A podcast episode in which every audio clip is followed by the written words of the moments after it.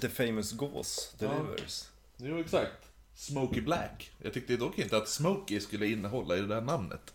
Nej. Den var inte så rökig. Nej, det var inte Lafroy. Nej, då tänker man ju Smoky. Ja. Såg du vilken låt jag la upp idag på Instagram? Nej. Jag missade det. Jag la upp den här. Bröder akta er för spriten. Fast den smakar fan så bra. Fred Åkerström. Jag har supt sen jag var liten. Så jag vet vad jag vill ha. Taffelöl, revyn, genever. Gammal konjak, det är bra. Det är taskigt med min lever.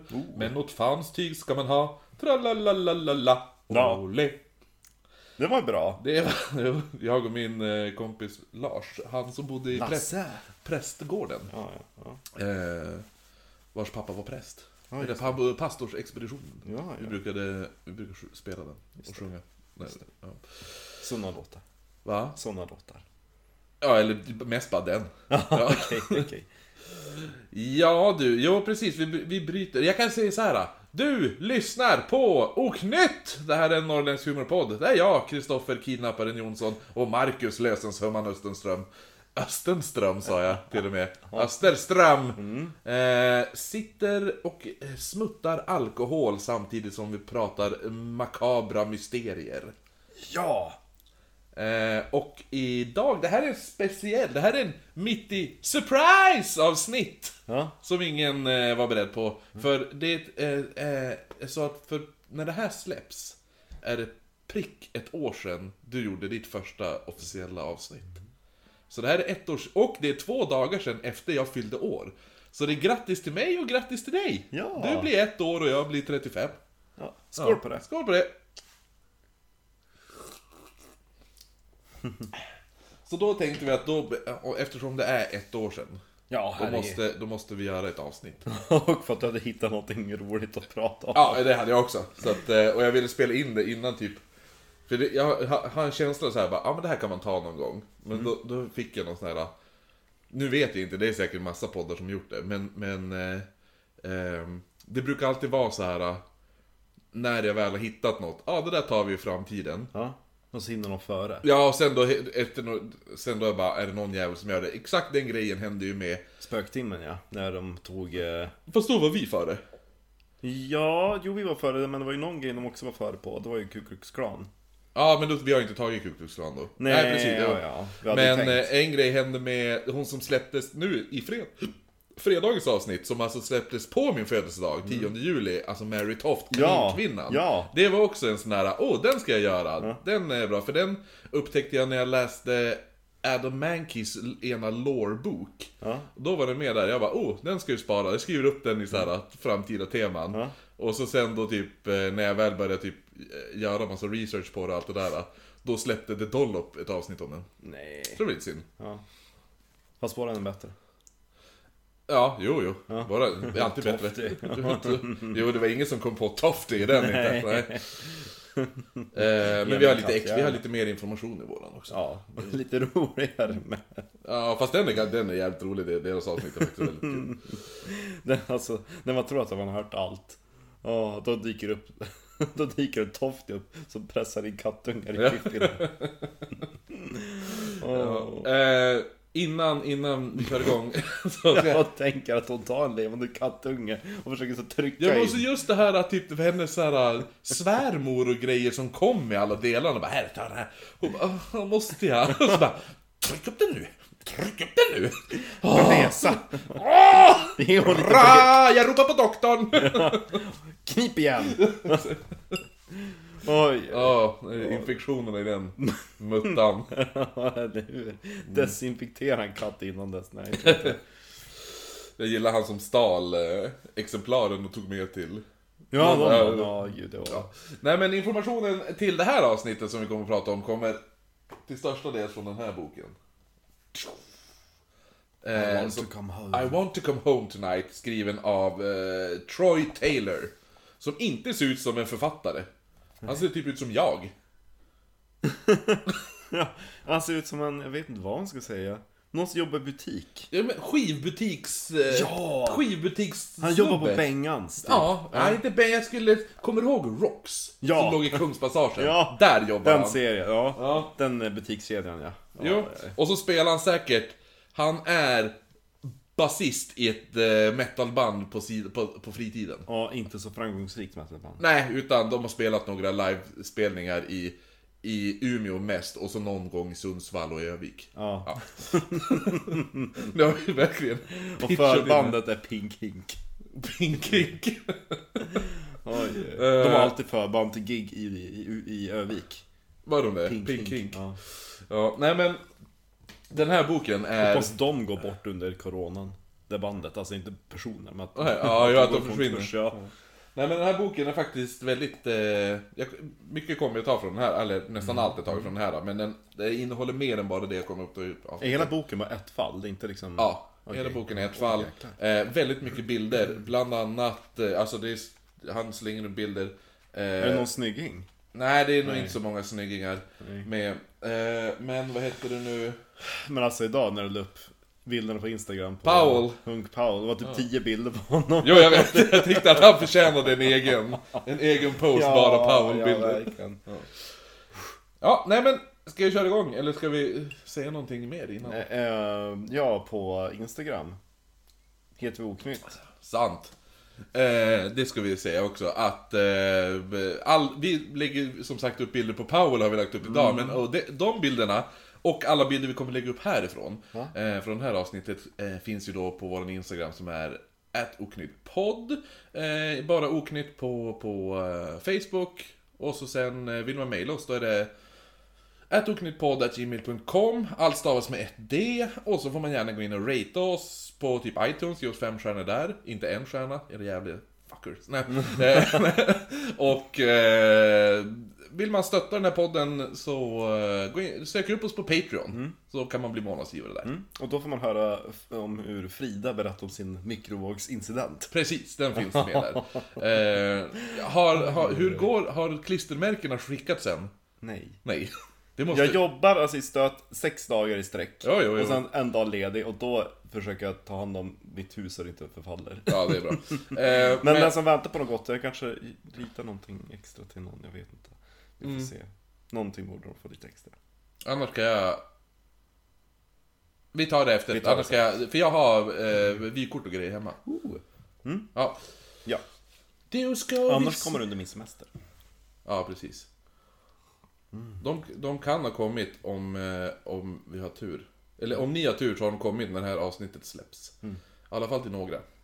Nu ska vi se här. Nu ska jag bara hitta det vi ska prata om.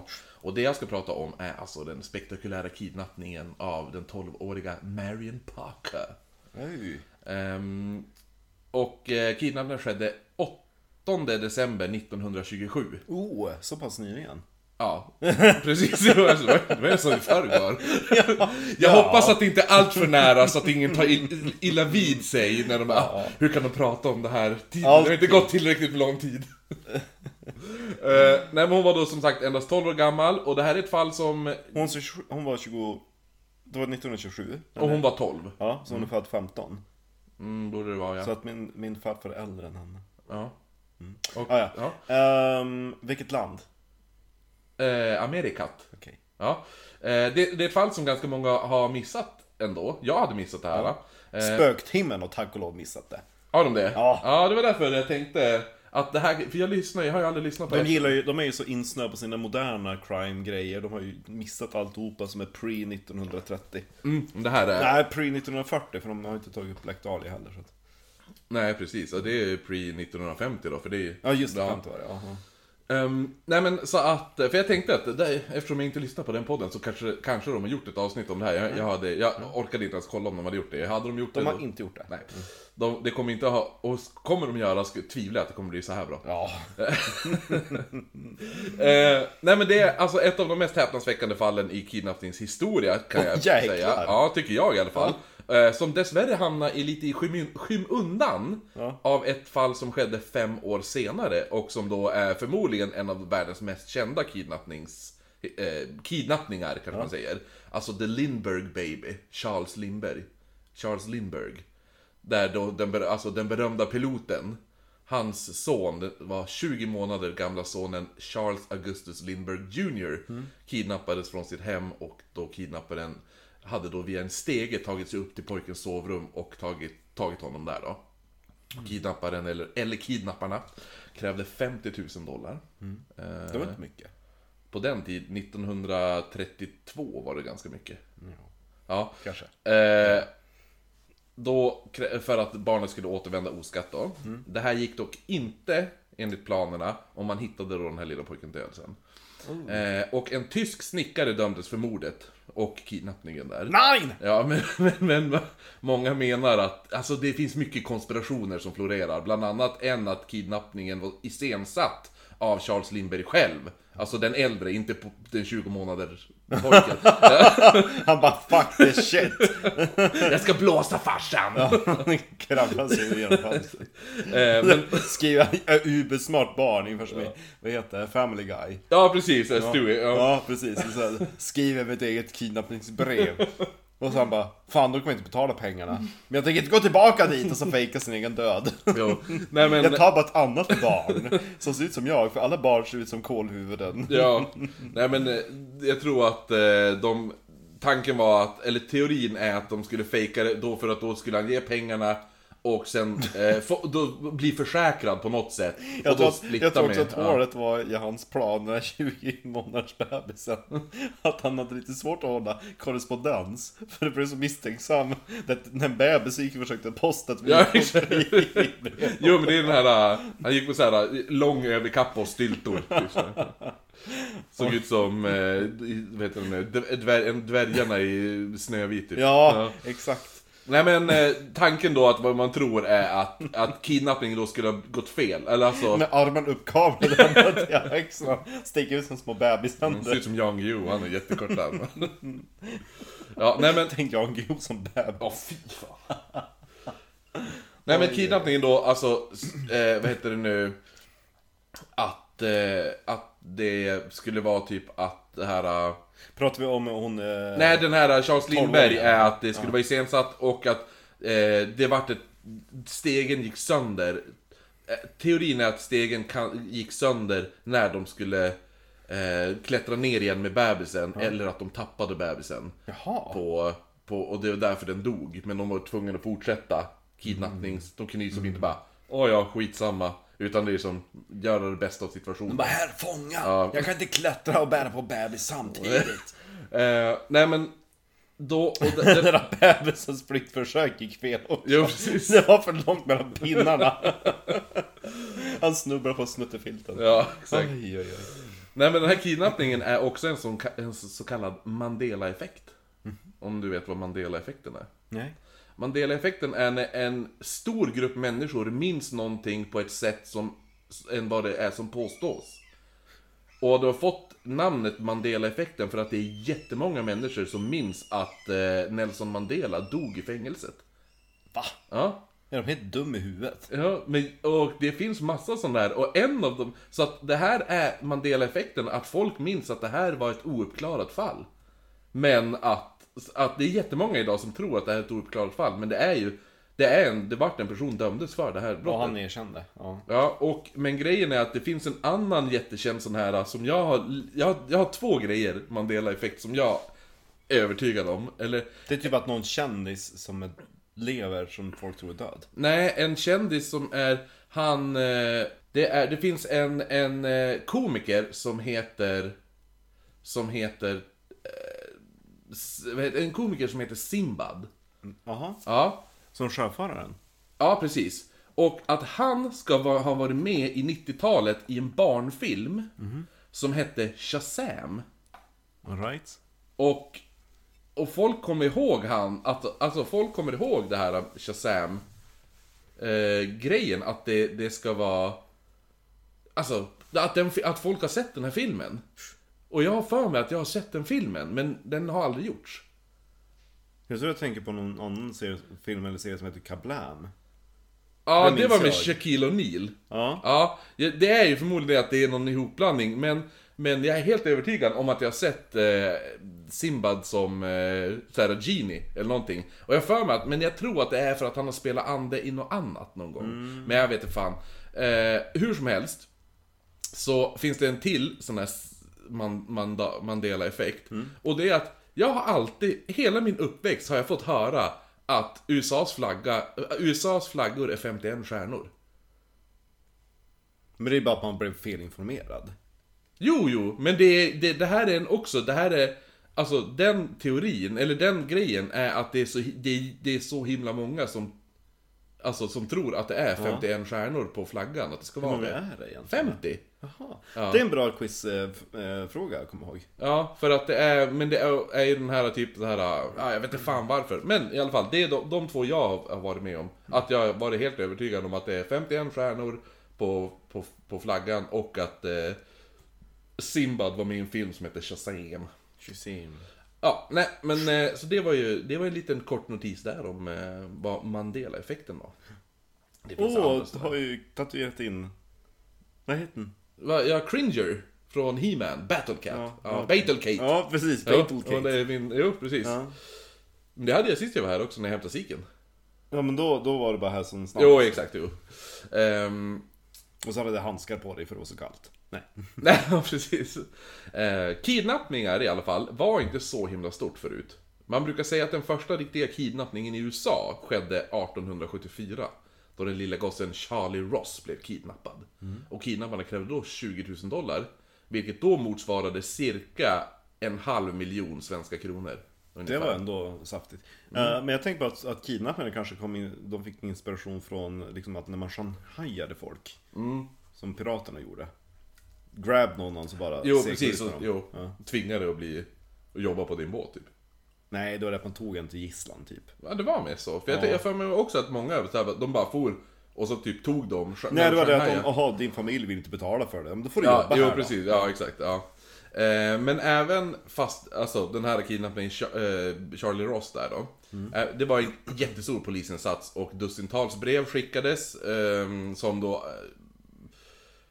Eh, ja, alltså eller dussintal brev de skickades så kom aldrig de här kidnapparna till den bestämda mötesplatsen då. Och den här Charlie Ross syntes aldrig till igen. Så det är ett ouklarat. Ja, däremot finns det några som bara har kommit typ senare och påstår sig vara Charlie Ross. Men, Ja, men ja. Hur gammal var han du när han kidnappades? Jag vet inte hur gammal han var, men det var, han kanske var 8-9 år. Eller okej, där, okej. ja. Jag tänkte som han var 20 månader. Nej, nej. Under 20-talet så blir det dock en sån här kidnappningsboom nu. Och den största delen av kidnappningar var dock maffian som låg bakom. Oftast i typ utpressningssyfte. Till Al exempel, Capone och gänget. ja, typ att man ville att få någon skriva över en bit mark eller något sånt där. Eller få en domare att döma på ett visst sätt i rättegång och sånt där. Ehm, ja, och då, då var ju det bästa sättet det var att kidnappa en anhörig. Då, det var ett väldigt bra tillvägagångssätt liksom. Ja. Ja. För då behöver man inte muta folk med pengar. Nej precis, Utan- utan då är det mer, då är det mer, gör som vi säger annars händer något hemskt med någon du tycker om. Ja. Ja. ja. Men det, ja, det händer ju såklart vanliga kidnappningar också då. Och en av dem ska vi då prata om idag. Så då är det nu till Marion Parker. Hon, jag kommer alltid säga Parker, fast hon heter säkert Marion Parker. Parker. Ja. Hon och hennes tvillingsyster Marjorie föddes 11... Margarina. Margit! Margit! Nej, de föddes då 11 oktober 1915, som du sa. Ja. eh, I Los Angeles. Deras föräldrar var Geraldine och Perry Men Parker. Perry... Perry Man. Perry Man. Visst, visst, det sån där Carol Ann. Ja, Carol Ann. I want... alltså, Det var det. If we, if we have a daughter, we should name her Ca- Carrie Ann. There was a son. Perry Man then. Ja, men du har sett den här YouTube-videon, de klippte upp alla gånger och säger Carol Ann i Poltergeist. ja, just det. Ja, precis. Carol Ann. Carol Ann. Carol Ann. Ja. Eh, Perry då, han var perso- personalansvarig på... Fir- Peran. Peran. Peran. Han var personalansvarig på First National Trust and Savings Bank. Väldigt långt namn. Oj. Där då Marion också spenderade mycket av sin fritid faktiskt. Hon och hennes tvillingsyster var tydligen som dag och natt. Marjorie beskrevs som väldigt Typiskt. Nej, alltså, väldigt fet. Hon åt margarin hela dagarna. Hon var 12 år, vägde 150 kilo. Och satt med en bit margarin på en pinne. Jo, exakt. Som om det Vad glass. fick jag?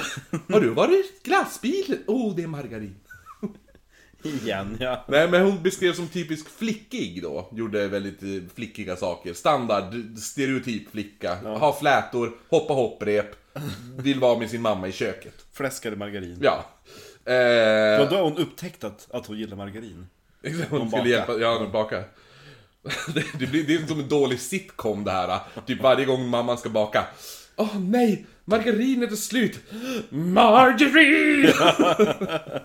Och så ser man Margie såhär, en pil, ett paket margarin, ungefär som att skala en banan och It så wasn't me, it wasn't me, it was me. sitter hon och smaskar. Mm. Vänd mot kameran men gömmer margarinpaketet. Marian då, däremot, hon var mer utav en så kallad tomboy. Hon tog för sig väldigt mycket och spelade amerikansk fotboll faktiskt. Jäklar, med pojkarna. tidigt, ja, ja. och var väldigt atletisk. Men hon var samtidigt väl, tydligen som var hon väldigt känslomässigt skör, brukar jag säga. Att hon hade väldigt lätt i känslor och sådana saker. Eh, hon blev väldigt illa till mods. Va? Tänker på den smala tomboy-tjejen. Ja som exakt, och så Margit feta, syr, feta tvillingsyrran. Oj, vi borde skriva så här fiktiva. Det här är ju, kommer du ihåg när vi spelade in, ehm, nej när vi spelade in, när vi spelade Sherlock Holmes? Ja. När vi, när vi stötte på de där två Ja. tvillingarna som fyllde i varandras... Meningar, Ja. ja. Yes, and I would like to go upstairs! De avslutar varandras meningar med helt olika tonarter. ja. Så var det med dem också. ja exakt, ena var så fet stäm, du vet, de får ju den här fetrösten då. Ja. Eh, nej men i alla fall, M- Marion då, hon vart väldigt illa till mors när hon var hemifrån för länge, alltså i, för långa stunder då. Hon tyckte absolut inte om att vistas utanför sitt hem efter att det blivit mörkt. Hon gillade skolan och umgås med vänner men hon var, väl, hon var otroligt rädd att inte hin- hinna hem i tid innan det vart mörkt. Hon var rädd för mörkret helt enkelt. Ja, jo, jo exakt. Hon var som allmän, äh, allmänt väldigt rädd Harig. och harig och vågade som inte... Det kändes jättekonstigt på något sätt att hon var lite morsk och umgicks med pojkar och spelade fotboll. Jo, exakt. Men sam, sam mörkret. Undrar om jag ändå tänker på att familjen försöker undanröja någonting. Att de, att de bara, men hur var hon då? Ja, hon höll på med sport och var atletisk och hon var värsta killen hon. Men eh, hon, när hon försvann var hon utomhus sent om natten och nej, inte hon aldrig, hon hatade mörkret. Det är lite så. Jaha, nej. Eh, hon, hon var väldigt skeptisk till vuxna också, som hon inte kände. Och... när, hon, när hon ska betala i en butik. Ja, det blir 23,90. Verkligen. Jag är lite skeptisk till det här. Får jag se. Ja, nej, inte, inte att hon var rädd, utan det var mer som av en blyghet. Att hon var väldigt blyg med... Men, men med vuxna som hon var bekant med var hon extremt extrovert istället. Då skämtade hon, dansade och sjöng och sådana där saker. Och återskapade ofta scener från eh, en av sina favoritkomiker, Bus, Buster Keaton. Ja! nej, vad kul! Buster Keaton var hennes favorit. Buster Keaton. Ja, Buster Keaton var hennes fa- Ja, favorit. Eh, Den generationen, Ja. Mm. med farfar och hon.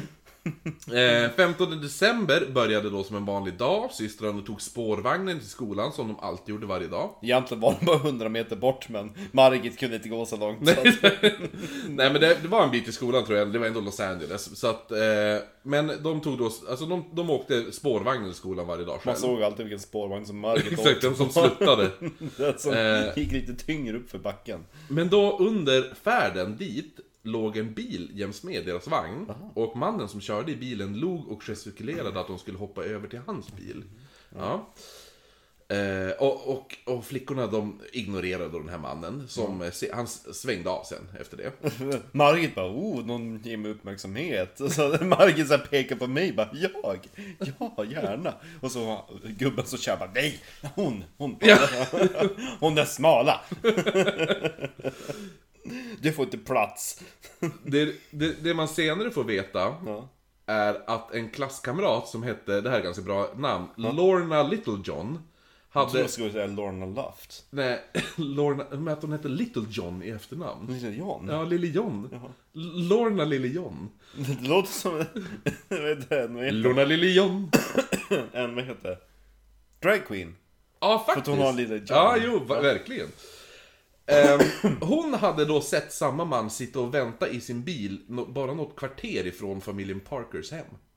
Han måste vara ändå ganska rik som har en bil på 20-talet. Mm, jo, man kan ju inte stjäla bilar på den tiden. Det gick ju inte. Ja, jo. ja, jo, precis. Vid lunchtid på Mount, Mount Vernon Junior High kliver då den här mannen in och går, eh, går fram till receptionisten Mary Holt. Som då var ansvarig för det mesta när rektor Cora Freeman inte fanns närvarande. Vilket då var fallet den här dagen och Holt var en kvinna som var stenhård med regler och synade alla som var främmande för henne. Men för någon anledning så köpte hon allt som den här främlingen sa nu. Det är ju... H.H. Holmes. Ja, jo eller hur? Det är lite den eh, attityd, eller vet du vad jag ska säga? Han hade pondus, eller Ja, så här, ja. Och eh, lätta, man litade på honom typ, ja. Han sa att han jobbade på banken med Perry Parker, alltså pappan. Perran. Ja, Perven. Och att eh, Parker då hade varit i en hemsk bilolycka och han nu, nu låg han svårt skadad och det enda han ville, eh, ville nu, det var att få träffa sin dotter. Holt blev då lite konfunderad och frågade vilken av döttrarna menar han då? Och då hade den här mannen tänkt en liten stund och osäkert svarat han, hans yngsta dotter. Ja. Holt som visste att systrarna var tvillingar blev lite ställd och frågade då Alltså menar du Marion? Ja. Och då svarade mannen Ja, jo, jo, jo, jo, hon, hon var det ja. Eh, För det är det enda barnet han, hon, han ja, älskar. exakt.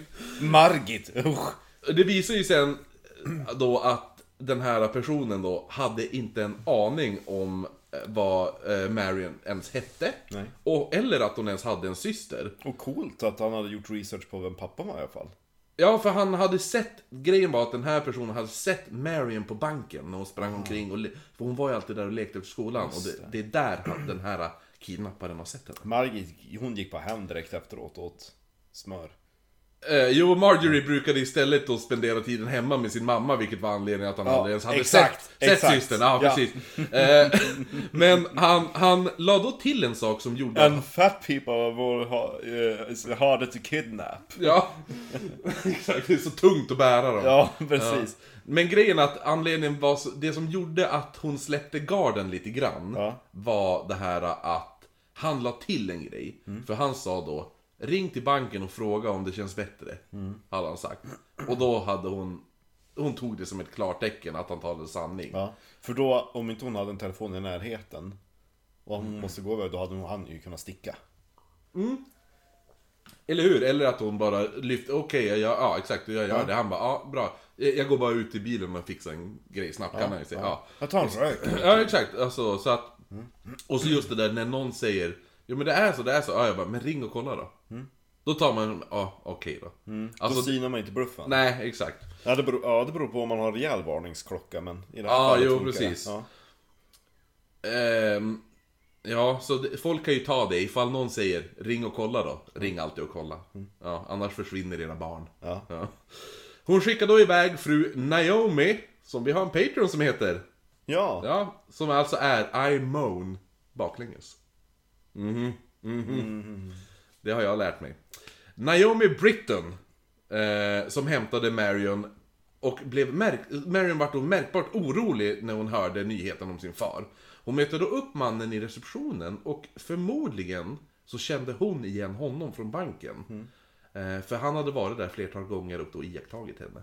Så att det är därför säkert inte Marion vart orolig när hon såg han. För hon kände nog igen han från banken. Kanske inte kunde koppla var, men hon kände igen honom. Ja. Han gick då ner på knä och för, för, förlovade sig.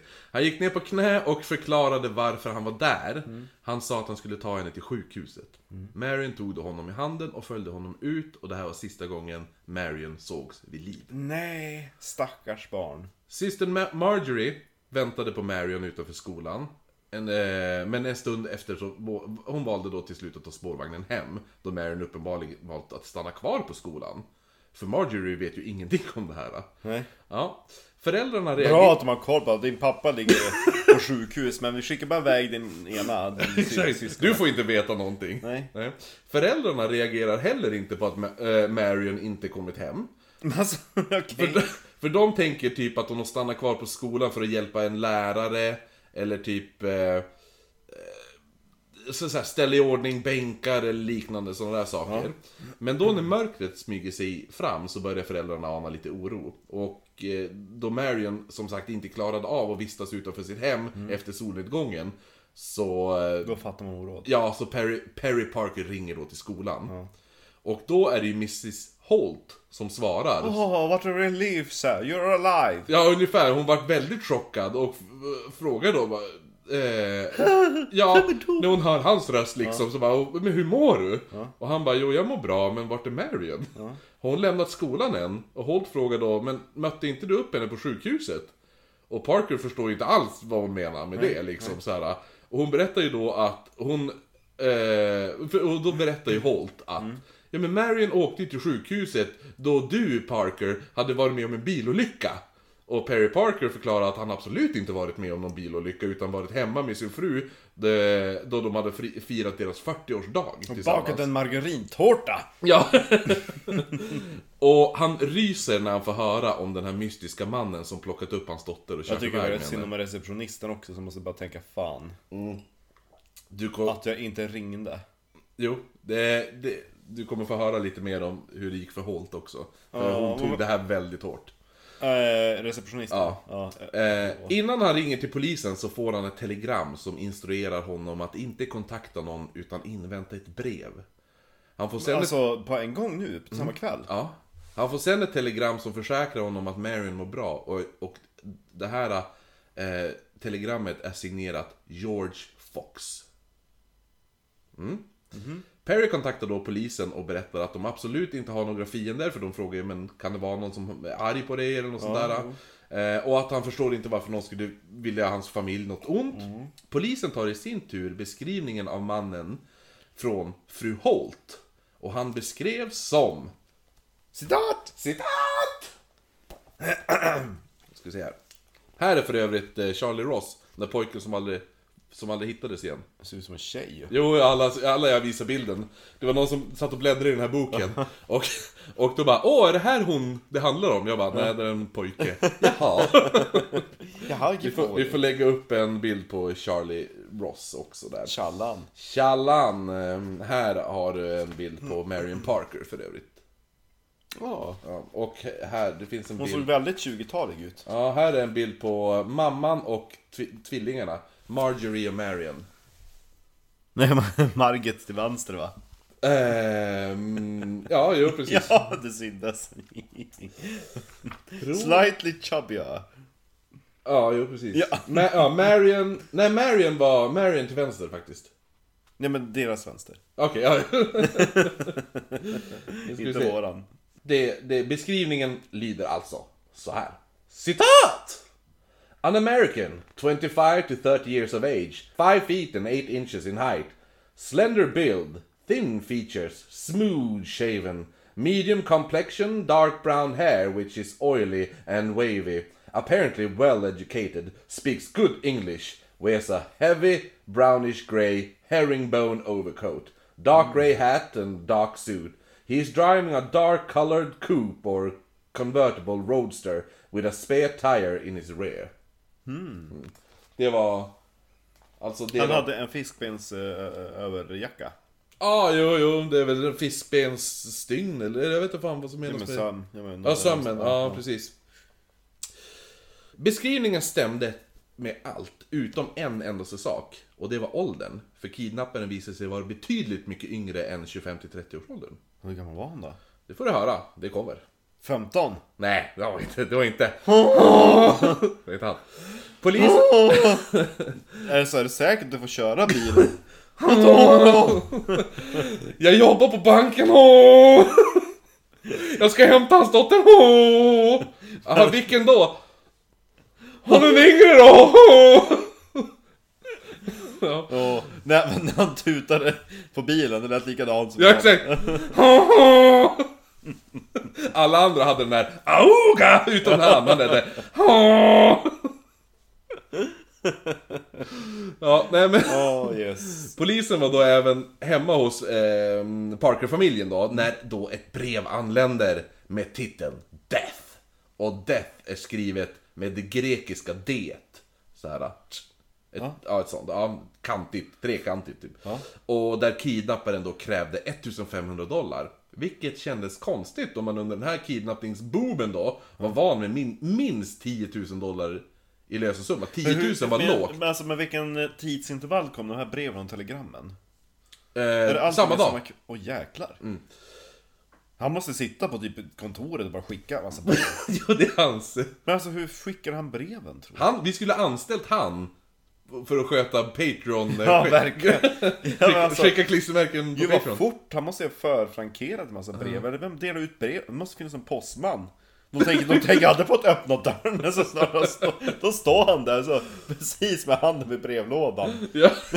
Hade de bara stått och vaktat? Nej, men jag tror att det fanns på den här tiden kunde ju... Kurirer och skit. Ja, precis. Alltså, du kunde det här, det här, är- det här brevet är viktigt. Alltså, du kunde göra så. Men du, det här brevet är viktigt. Ja, det här måste komma fram idag. Okej då! Ja, så det här är skitviktigt! Han sprang på gatan, kurirpojken. Ja. Eh, nej men så att, ba- för grejen är det också är det här med alltså, summan 1500 dollar. Alltså bara några år tidigare så hade lösensummor på upp mot 200 000 dollar ja men han krävts. tog inte mer än han behövde. Nej, nej Han precis. var inte en Jill Johnson.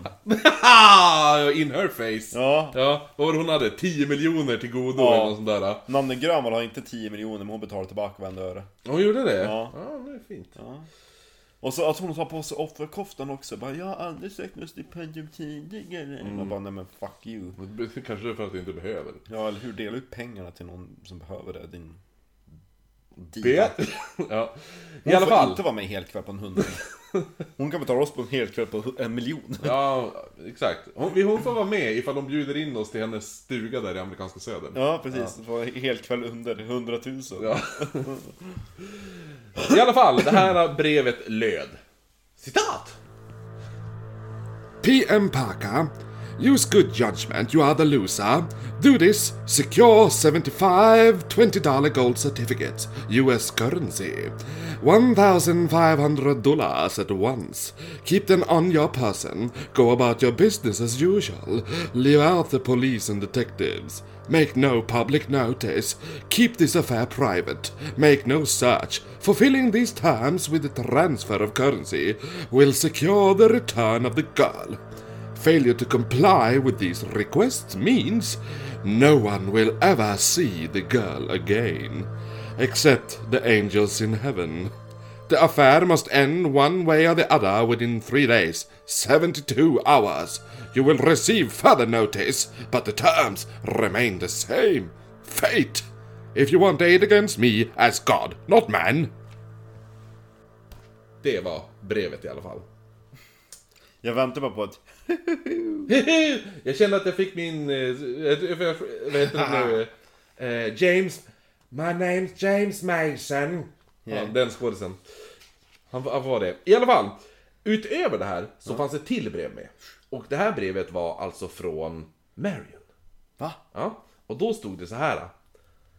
Dear pappa. Ja, nästan. Dear Daddy and Mother, I wish I could go home. I think I'll die if I have to be like this much longer. Won't somebody tell me why all this... Hon all var this- borta i 30 minuter. Nej, inte riktigt men... Won't somebody tell me why all this happening to me? Daddy, please do what the man tells, or he'll kill me, kill me if you don't. Your loving daughter, Marion Parker. P.S. Daddy, I want to come home tonight. Det känns verkligen som att han har tvingat henne att skriva det där. Att han har dik- dikterat de orden för henne. Mm, ja, det kan man tro, fast det var faktiskt inte... inte det visar sig att han menar att det inte var så. Okej. I alla fall, men det är därifrån titeln till boken kommer också. I want to come home tonight. Är ifrån. Det, det är så hon avslutar det här brevet. Då får, No, I, I would say that, uh, att han tvingade. du, ja, ja. På fredagen då, nu det har gått, eh, det måste ha gått två, det här är två dagar senare då. Så ringde telefonen. Det var dock tyst. Eh, Det var, aldrig, det, var, det var som ingen på andra änden, bara tyst och sen ett klick. Så att det var ju någon som bara Kolla om. Ja. När to- telefonen ringde för fjärde gången. Då sa en röst. I'll be back in five minutes. Men det dröjde en halvtimme innan det ringde igen och samma röst frågade då om Parker hade pengarna. Parker försäkrade mannen att ja, jag har dem och då får han instruktioner av den här mannen att genast ge sig av. Han skulle ensam ta sin bil och färdas norr på Wilton Place till då 10th Street. Där skulle han ta höger och sen svänga av för att par parkera på, Garm eh, på Gramercy. Perry, han följde då de här instruktionerna till punkt och han satt och väntades i timmar. Men det var ingen som dök upp. De hade gett han fel instruktioner. Nej. 15 minuter innan midnatt så gav han upp och återvände hem då utan sin dotter.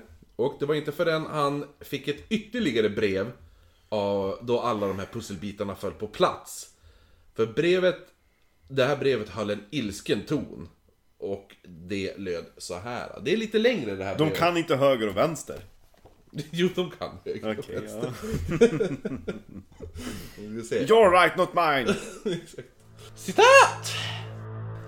P.M. Parker, when I asked you over the phone to give me a word of honor as a Christian and honest businessman, not to try and trap me, to tip the police, you didn't answer. Why? Because those two close cars carefully followed your car north on Wilton to 10th. And then proceeded to the circle of the block on Gramercy, San Marino, Wilton, and 10th. I knew you knew, and what for? One was late model Buick and the other had a disc wheels. Then later, only a few minutes later, I saw a yellow Buick police car speeding towards your neighborhood. Of course, you didn't know anything about these facts, and that is sarcasm. Mr. Parker, I am ashamed of you. I am vexed in disgust with you with the whole damn vicinity throbbing with my terrible crime. You try and save the day, but your simple police tactics, yes. You lied and schemed to come my way, only far enough to grab me and the girl too. You'll never know how you disappointed your daughter. She was eager to know that it would only be a short while and then she would be free from my terrible torture. And then you mess with the whole damn affair. Your daughter saw you, you watched you work, and then drove away, severely broken hearted because you couldn't have her in spite of my willingness. Merely because you, her father, wouldn't deal straight for her life. You're insane to betray your love for your daughter, to ignore my terms, to tamper with death. You remain reckless, with death fast on its way. How can a newspaper get all these family and private pictures unless you give it to them?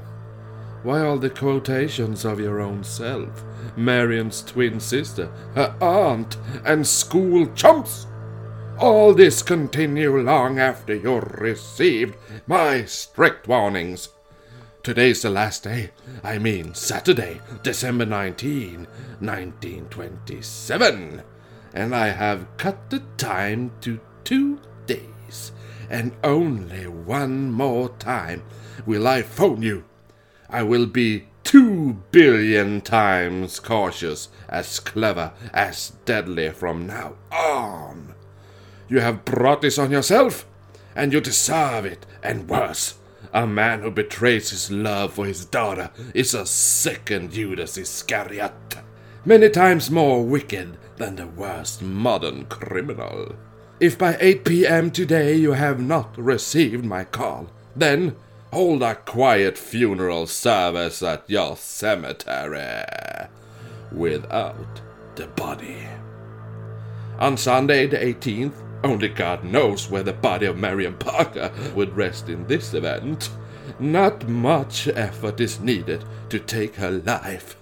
She may pass out before 8 p.m., so I could not afford to call you and ask you for your 1,500 dollars for a lifeless mass of flesh. I am the base and low, but I won't stoop to that depth, especially to an ungrateful person. When I call, if I call, I'll tell you where you go and how to go. So if you don't go and have your friends following, pray to God for forgiveness for your mistake last night. Become honest with yourself and your blood if you don't come in this good, clean, honest way and be square with me. That is all. Fate. Fox. If you want aid against me, ask God, not men. Jaha, hans catchphrase. Ja, han avslutar breven med den där. Jaha, så han hade skvallret i tidningarna och polisen? Ja, alltså, jo, alltså polisen visste ju som om det här och det hade ko- kommit ut bild att hon, har dottern av han har blivit kidnappad och etc. etc. Ett till brev följer med det här arga brevet. Jaha. Ja, det är ju då från Marion. Ja. Som löd. Dear Daddy and Mother. Daddy, please don't bring anyone with you today. I'm sorry for what happened last night. We drove right by the house and I cried all last night. If you don't meet us this morning, you will never see me again. Love all, Marion Parker. Oj, oj. Så att, eh, jo, det är roligt med det här kidna- kidnapparbrev och sådär. Polisen hade då utan Perrys vetskap skuggat honom till mötesplatsen. Nej! Så Perry gjorde allting som eh, kidnapparen Fan, bad, men polisen skuggade han utan att berätta det. Nej. Eh, och eh, för, för att då kunna gripa den här kidnapparen, Vad klantiga poliserna? ja. Eh, och, och alltså, ja, alltså typ när, när överlämnandet skedde, då tänkte jag, ja men då kan vi gripa och sånt där. Men då, kidnapparen hade ju uppenbarligen märkt att Perry var skuggad, så att eh, han bara, fuck it liksom. Inte Perran heller. Nej, han- nej, det är så här, den enda som inte förstod det här, det var Perry. Så, ja. Bil som kör förbi hela tiden, han sitter och väntar. ja, men han skulle ju lika gärna kunna tro att den bilen var kidnapparen. Ja. Perry då, han var nog, han var ju nu oerhört orolig. Och förbannad på polisen. Ja, jo, det fatta vad fucking arg man hade varit på snuten alltså. Eh, Jag skiter i om den griper han inte ger mig tillbaka mitt barn. jo, eller hur? Om man inte var Mattis. Jag har inget barn! Precis. Nästa gång kidnapparen ringer, svar på telefonen bara Jag har, ditt inget barn! Här, Jag har ditt barn! Va? Men jag har inget barn! Precis, och han bara Jaha, nej. Ja. Men Judas, ska... Nej. Ja, ja. Ja. Men han vart, det, det som han vart orolig över var ju... Fuck you! Nej men eftersom det stod ju i brevet eh, If I call.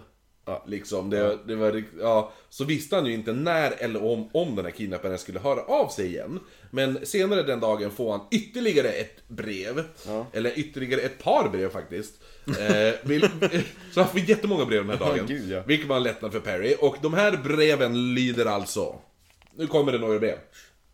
Nu Citat! PM Parker, please recover your senses. I want your money rather than to kill your child. But so far, you're giving me no other alternative.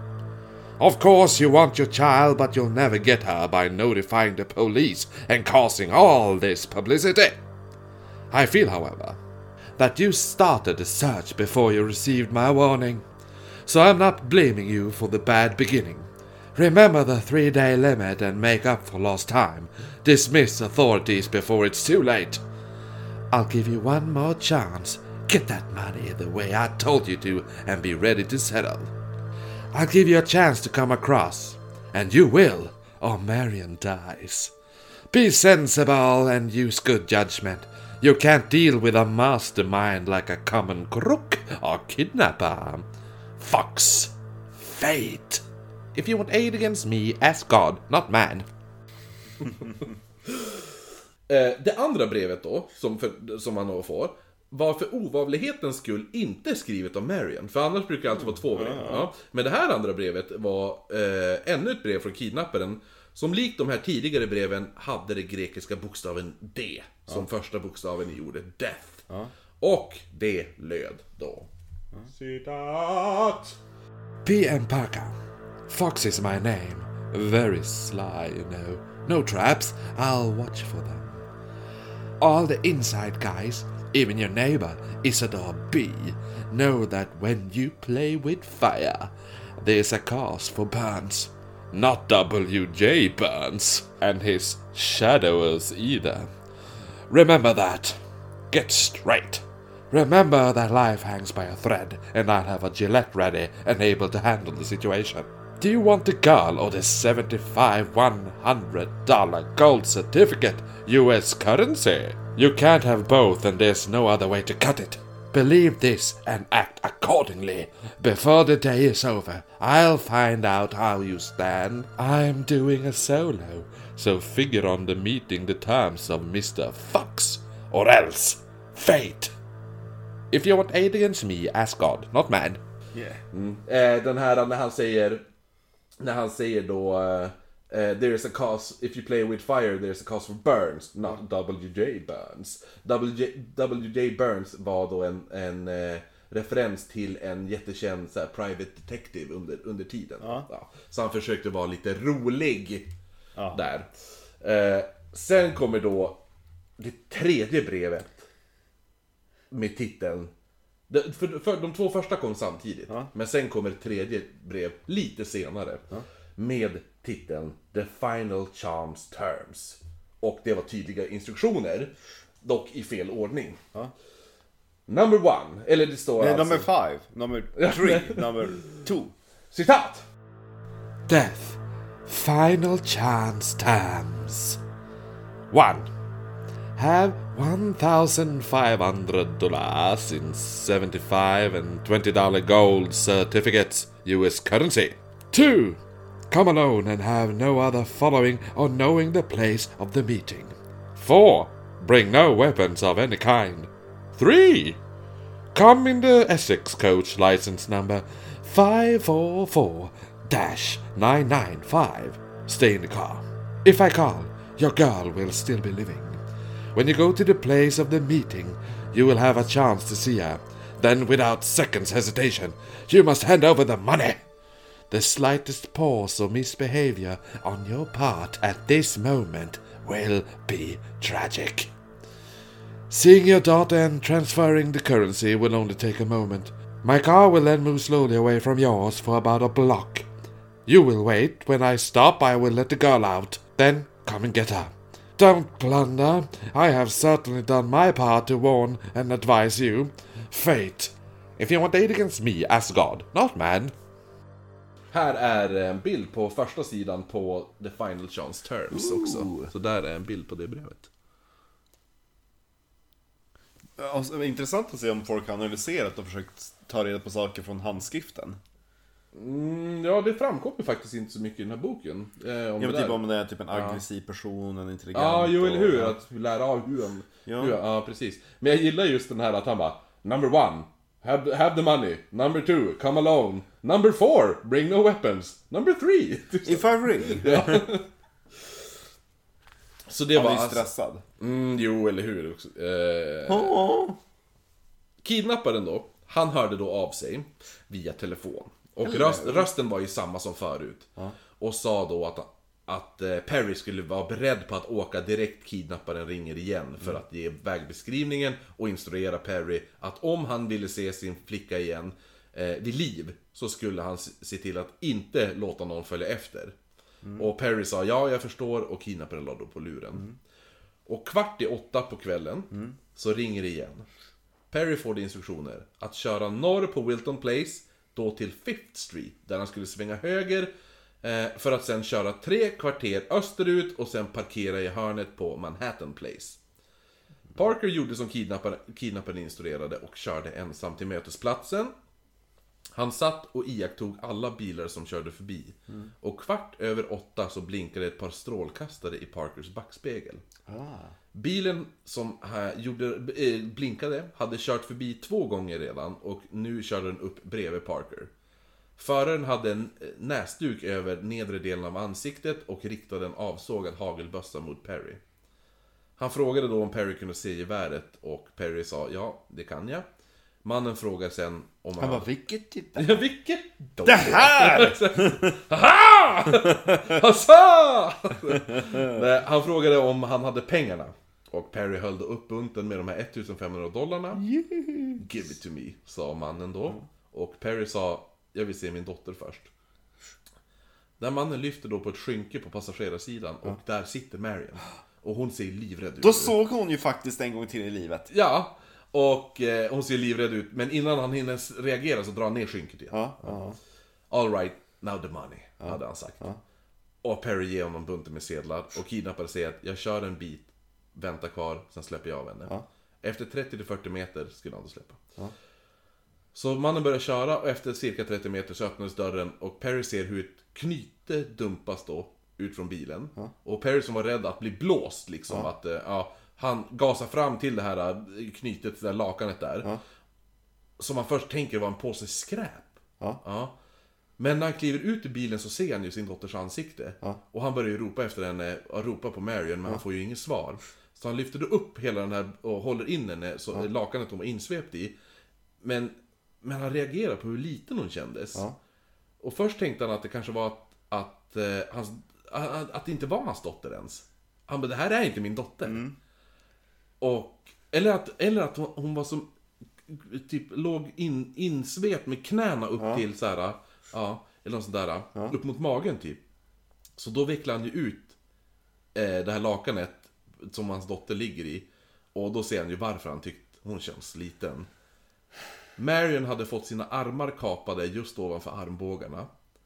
Även benen hade blivit kapade, men det var ingenting man visste just nu eftersom eh, den här kidnapparen då även hade kapat den lilla flickan strax nedanför naveln på henne. Och sen tömt ut magsäcken och stoppat upp eh, handdukar och tidningspapper i magen på henne. I, alltså öppningen då. Anledningen varför Marion hade sett så rädd ut var för att utöver det här så hade han sminkat henne för att hon skulle se levande ut. Sen hade kidnapparen tagit nål och tråd för att sy fast ögonlocken i en uppspärrad blick. Men gud. Eh, Perry, som då var på väg att kollapsa, lyckas ta sig till en telefon, ringer polisen och startar, nu startas då århundradets hittills största jakt som skett i Kalifornien. Men varför gjorde han det? Det, det kommer du få veta. Han fick ju pengarna. Ja. Marion fördes då till rätts... Kunde man... Ja, jo, nu kommer de detaljerna. Avgöra om hon först blev kapad eller vilken ordning de hade stympat henne. Ja, det kommer vi få reda på. Yes. Hon fördes till rättsläkaren Dr. Wagner som eh, utförde Ja, obduktionen. he, she's dead. Ja. typ som de sa när... eh, Vad var det? Jack the Ripper? Jo. I determined that she's dead. you say, I say, I say. Och så hela armen dyker upp också. Buster Keaton dyker upp. Ehm, nej men han, han utförde då den här obduktionen på den lilla flickan och inuti Nej, jag ser att någon har före mig. Det var väldigt vad de gick framåt. De, Varsågod. hitt, va? Nej, de, de hittar i, i hennes uttömda mage så hittar man en tröja som var märkt med namnet Gerber. Namnet betydde ingenting, men det visste man ju inte då. Nej, nej. Samtidigt satt den riktiga kidnapparen då på ett café på Broadway mellan 5th och 6th Street och åt mat. Han betalade med en av sedlarna från lösensumman och hade sagt till servitrisen You'd be surprised if you knew who I am. Ja. Varför säger man sånt? Jo, det här är bara en liten del av hans skrytsamma beteende. Polisen hittade snabbt bilen som hade använts av kidnapparen. Den var övergiven på en parkering. Man satte span på den i hopp om att kidnapparen skulle återvända. Det, utan lycka dock, han kom aldrig tillbaka till den bilen. Hela staden greppades i chock. Tidningarna skrev om det hemska mordet. Och föräldrarna valde, valde då, alla föräldrar typ i hela Los Angeles väljer att hålla sina barn hemma från skolorna nu. Just för att hon hade, blivit hon hade blivit tagen på skolan. Han kan komma tillbaka till vilken skola som helst nu. Ja. Men eh, kommer du tillbaka sen till sekreteraren? Mm. Ja. Parker försökte fira jul, men för det här är ju Det här är ju fyra dagar innan julafton. typ. Men gud, det Mm. går ju inte. Nej, de försökte men det var bara hemskt. Inte ens Margit vill äta Nej, någonting. faktiskt inte. Marion fanns inte där för att öppna sina paket. Eh, man, lät ett, man lät även ett eh, leksakståg som Marion brukade leka med stå kvar på golvet på samma plats i flera månader. Och Marion, nej Marjorie, hon, eh, hon fann ingen glädje i att öppna sina paket eftersom det roligaste hon visste var att öppna tillsammans med sin tvillingsyster. Mm. William Britton, som var ute och... Brutal. Ja, som var ute och flanerade på samma plats som idag LA Dodgers eh, stad. Planerade så jag gick runt och sa jag säger, jag säger. Ja, men lite grann. Ja, jag han, var ute och, han var ute och vandrade, ute i ingenstans typ. Eh, det, Ja. Då var det bara ingen, det var mitt i ingenstans, men idag är det samma plats som LA Dodgers stadion står på. Eh, så ett par tidnings... Han såg då ett par tidningsinslagna paket och när han öppnade dem så fann han då Marians underben och underarmar. underarmar. Cirka 150 meter längre bort hittades senare ett par pojkar hennes bäcken som låg... Eh, bäcken och lår då. Och hennes kroppsdelar hade då slängts ut från en bil som hade kört förbi. Och på söndagen hittade en Margaret Root en väska med blodiga trasor och samma sorts sytråd som hade använts på Marion Parker. Ja, ja. Väskan var, bara, eh, väskan var bara ett kvarter ifrån där Marion hade dumpats då. Alltså bara, ja, bara ett block, vad kan det vara? 150 meter typ. Ja. Psykologer menade att mördaren var sexuellt störd och att han var välutbildad. Allt var planerat och den här lilla lösensumman som man hade bett om, det var egentligen bara för att täcka mördarens utgifter. Ja, han gjorde det här, hans, de menade att planen var, han hade en sexuell störning och han gick igång på det här. Ja, men, och just för att, och det var därför det var så liten lösensumma, för att han sket i pengarna. Beskrivningen av Marions mördare var i alla tidningar och självklart syntes den här mördaren överallt också. Direkt en ung man med mörkt hår, hår syntes fick polisen tips. Eh, det flögs poliser till Las Vegas och, och eh, patrullerade alla vägar i Kalifornien. Och all, polisen stoppade alla misstänksamma unga killar som färdades ensam längs vägarna. En som faktiskt blev skjuten av polisen var den oskyldige Joe Montgomery som färdats på motorcykel tillsammans med sin flickvän. Men va? Ja, för de trodde att han var mördaren och de började jaga han och han ville inte stanna för polisen. För han tänkte att jag har motorcykel, jag kan köra, jag har säkert...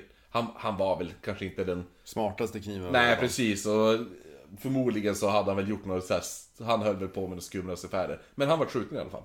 Eh, insamlingar gjordes av radiokanaler och föreningar eh, av pira- privatpersoner och den totala summan för den som ser till att personen som nu kallades för monstret i tidningarna. Att han åker fast, den som lyckas fixa det, får 100 000 dollar.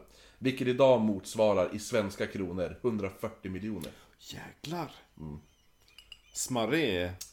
Det är inte dåligt. nej. Nej. Mördaren... Eh, eh, blev han gripen eller har vi fortfarande en chans? Du har ingen chans att ta till här. Mördaren, han stal under tiden en bil tillhörande, 146 år gammal. Han hade levt nu. tillhörande Frank Peck. Han skuggade honom och sen under ett pistolhot så stal han då bilen. Och han körde då till San Francisco och checkade in på Howard Hotel under namnet Edward J. King. Han hade rum 402. Och det här hotellet finns kvar så att vi kan bo i det rummet om vi vill. Samtidigt dyker ett nytt brev upp hos familjen Parker. Som... Varför vill de ah, Okej. Ja, det kommer mera brev här. Ja. Det- Han går igång på brev. Jo, han gillar brev den här snubben. Ah, han skadat mig. If one aid against me, God, not man. Ja. Det löd så här. då. Citat. Citat! PM Parker, for the trouble you have caused, Marjorie Parker will be the next victim. Nothing can stop the fox, and they who try will know the penalty. If you warn anyone on this second success, it will mean you next. Try and get me, I am the fox. You will never know the rest of my success. You will miss her at 12 o'clock. The fox! Varför har något personligt mot dem? Ja, märkte du eh, en skillnad från eh, de tidigare breven? Det har ingenting om God. Nej, if you want aid against me, eh, ask God, not man. Det fanns Ja. inte med. Ja. Så att det här brevet och han eh, s- påstår att det här ha- det var aldrig han som skrev det. Så det här var förmodligen ett fejkbrev Ja. som någon skrev faktiskt. Ehm, men i alla fall. Så det där var, det var brevet var ett fejk, men de fick det ju i alla fall. De fick brev. Jo, och det var ju ändå på den tiden, alltså eller på, på den, men alltså när de Gud väl vilken får det här, ångest det är man skulle liksom, fått när kom posten kom. va? Ja men han, Parker, vilken ångest var när Jo, eller hur, verkligen. Och så nu får han, eh, av den här personen som skrev det här är uppenbart jävla dum i huvudet, borde få rejält mycket stryk. Just det här att han bara, ah shit, nu vill han döda min andra dotter. Ja. Liksom. Ja. Hur som helst. Man såg ju som sagt den här mördaren överallt och många förhördes. Även en kvinna blev anhållen då eh, folk hade hört skrik från hennes lägenhet och orden “You're killing her”. Och man fann även blod och en, en hemsk bild på Judas. Vilket var väldigt intressant eftersom han hade ju nämnt Judas Ja, Iskariot exakt, i det ja. andra brevet. Mm. En person som hette Michael O'Neill blev arresterad fem gånger för att de såg ut som mördaren. Eh, en rånare som Men det är ju inte jag, jag var ju inne i förrgår! Så, några dagar senare. Va? Åh, Hörru du, vem är du då? Vad gör du här? Ah, jag är på väg hem för jag har precis blivit släppt av er, polisen. Ah, här kan du inte stå och häcka. Precis när han går ut ur polisstationen. Ja, exakt, möter en till polis. Hörru du! ska... Någon ska påbörja sitt skift. App, app, app, app. Är du på väg att Vad- delge dig själv nu eller? Jävla monster. Ja, nej men en rånare som heter Ralph... En, Ralf. ja, Ralph. Och Ra- Monica! Ja, Ralph och Monica! En, en, Dök det upp någon Ralf och Monica? jag har faktiskt inte kollat det, vi kan kolla det sen. Ja. En, Jag menar på din fest. Ja, nej på min fest var det bra. Det, det var ganska roligt för det dök upp, vi körde ju ehm, eh, Mysterium och eh, Paranormal Detective. Och ena tjejen Felicia satt hela tiden, i alla, alla scenarier, är det ett hatbrott? Är det här ett hatbrott? Var han homosexuell? Var det mot kvinnor tänkte jag med att det skulle vara så. Nej, det var mer homosexualitet. Ja. Ja. Nej men. Nej, Marcus och John är inte här! Tyst nu. Ja. Eh, en av rånarna som då hette då Ra- Ralph, eh, Ralph McCoy arresterades i Los Angeles och folk trodde att han var den här mördaren då. Ja. Även fast, alltså de, de var inte ens lika i beskrivningen eller något sånt där. Nej. Men hur som helst, han satt, sattes i häktet. För han, han sattes i häktet för rån. Han vart arresterad för rån, kommer jag ihåg. Men all, fångarna, medfångarna där började, det är nog han, det är nog han. Nej. Och han hittades stryps till döds, döds sen samma kväll. Nej. Så att, eh, ja. Åh. Och ingen, ingen av de andra fångarna hade sett något. Nej, klart De bara, inte. nej, nej, men det var nog självmord. Mm. Men polisen lyckas i alla fall göra framsteg fastän de arresterar Nej, men jag har ju hittat honom. Han är Jag, död. jag, hittade- jag hittade honom fem Han gånger. är död. Ja, exakt. Va? De släppte honom! Precis polisen som hade haffat honom gick hem. När han kom tillbaka så... Hörde du det? Så polisen i alla fall, de lyckades då faktiskt göra lite framsteg här och den här bilen som Mitt med att de satt och åt eh, donuts och drack kaffe. Ja, exakt. Och det, jag tror den stereotypen kom nog in på 70-talet tror jag. Ja, men den grundade sig i, i, i, i vissa företeelser som kom på 20-talet. På tal om det, på tal om polisen, jag måste bara säga, jag tror det är Milwaukee-polisen, där de skulle säga, de hedrade två poliser Ja. som typ tillsammans hade tjänstgjort i 61 år. Och jäklar. Aha. En av de poliserna bör inte hedras. För han är den polisen som eh, inte arresterade Je- seriemördaren Jeffrey Dahmer. När, och det tillfället var när en av Jeffrey Dahmers offer Ja. kom utspringandes, 14-årig pojke, Ja. kommer utspringandes naken, misshandlad, blöder ur anus. Ja. Och Jeffrey Dahmer kommer bara, nej nej men det är bara lovers quarrel. Eh, han har bara fått i sig lite mycket att dricka. Och han bara, ah okej då, gå tillbaka. Och sen vart han mördad. Man ser om den stick- 14-åring eller de där... Ja men han, han bara, jävla det är bögfasoner. Ja jag går tillbaks, det är böggrejer typ. Ja. Det, och, så sen skickar han tillbaks han. Ja. Den killen vart mördad, flera personer efter det vart mördad av Jeffrey Dahmer. Ja. Hade han bara gjort sitt jobb då, Ja. då hade de gripit en av de mest... Alltså så här, en av de mest ikoniska seriemördarna idag. Men då hade Han, han, ska inte, han fick sparken, den, den polisen fick sparken sen. Men ska fortfarande hedras. Ja men han, de, de anställde han igen i smyg Nej. efter några år. Nej. Och 94 eller något sånt där tror jag. Ja, och nu hedras han. Ja, Och så Amerikat. Jo, Vilken jo. jävla skitland. Tackar vi till Boris Johnson och gänget. det var ju någon som sa det liksom. Jag menar det, liksom, tänk också där I Amerika, det är mer att de, att de håller på med knark och drar linor och alltihopa. Men Mm. i England är de mera alkohol... romantiska och... Ja, det är faktiskt... Och jag Jo, menar, vi- alkoholister, they accomplish things. Mm. Jag menar, look at Churchill, han var ju halvt alkoholiserad. Jo. Drack en, en liter whisky varje dag och lite champagne och Jag har söp sen jag var liten. Ja, och han vann ett världskrig, alla som liksom röker på, de är ju bara seg. Jo, men det är väl för man börjar för tidigt så blir det teflonhjärna liksom. Ja. Inget fastnar. Nej, precis. För att, jo, men börjar rö- röka på lite senare. Låt hjärnan utvecklas Men jag menar, klart. Churchill, jag blir ju nära 90 nästan. Ja, jo, precis. Ta den där amerikanaren som motiverar motion. Jag tror han dog när han var 64 av en hjärtattack. Ja. Ja. Och jag Eh. menar Gillian McKeith, hon som är typ eh, Englands Anna Skipper. Mm. Som bara äter grönsaker, det ser ut som hon är 80 fast hon är 60. Och så kollar man på Nigella Lawson som bara äter grädde, som Ja. Margit Margarin. och ser ut som hon, hon är 40 fast hon är 60. Ja, det roligaste är att du kommer få höra hur länge Margit Margarin lever i den här. Åh, Marjorie. jäklar. Eh, I alla fall. Den här bilen då som hade lämnat... Mördare, polisen gör alltså som sagt framsteg. Och bilen som mördaren hade lämnat. Jag har hittat bil. Ja, nej, jo den hade de, som de hade skuggat flera dagar, eller Och så var det en iakttagit. privatperson som ringde in bara, jag, jag har hittat den, den där bilen som ni efterlyste. Och så polisen bara, vi har hittat bilen. Jo, nej men de visste, de hittade den ju, Extensive search. de hittade den jättesnabbt. And help for the public? Nah, not, not really. Nej men den hittade faktiskt, alltså den hittades ju direkt efter nästan. Det var bara några de timmar hade skuggat efter. den utan att de hade sagt något. Ja, nej, utan efter, de, när de hittade den då hade de sen suttit och haft span på bilen. Ja, för att se om mördaren skulle komma tillbaka i alla fall. Den här bilen kallades i tidningarna för The Death Car. Mm. Och Och den visade sig vara stulen i Kansas City. Eller Kansas. Man kunde inte stjäla bilar på den tiden. Nej, just det. Var jag sa i början.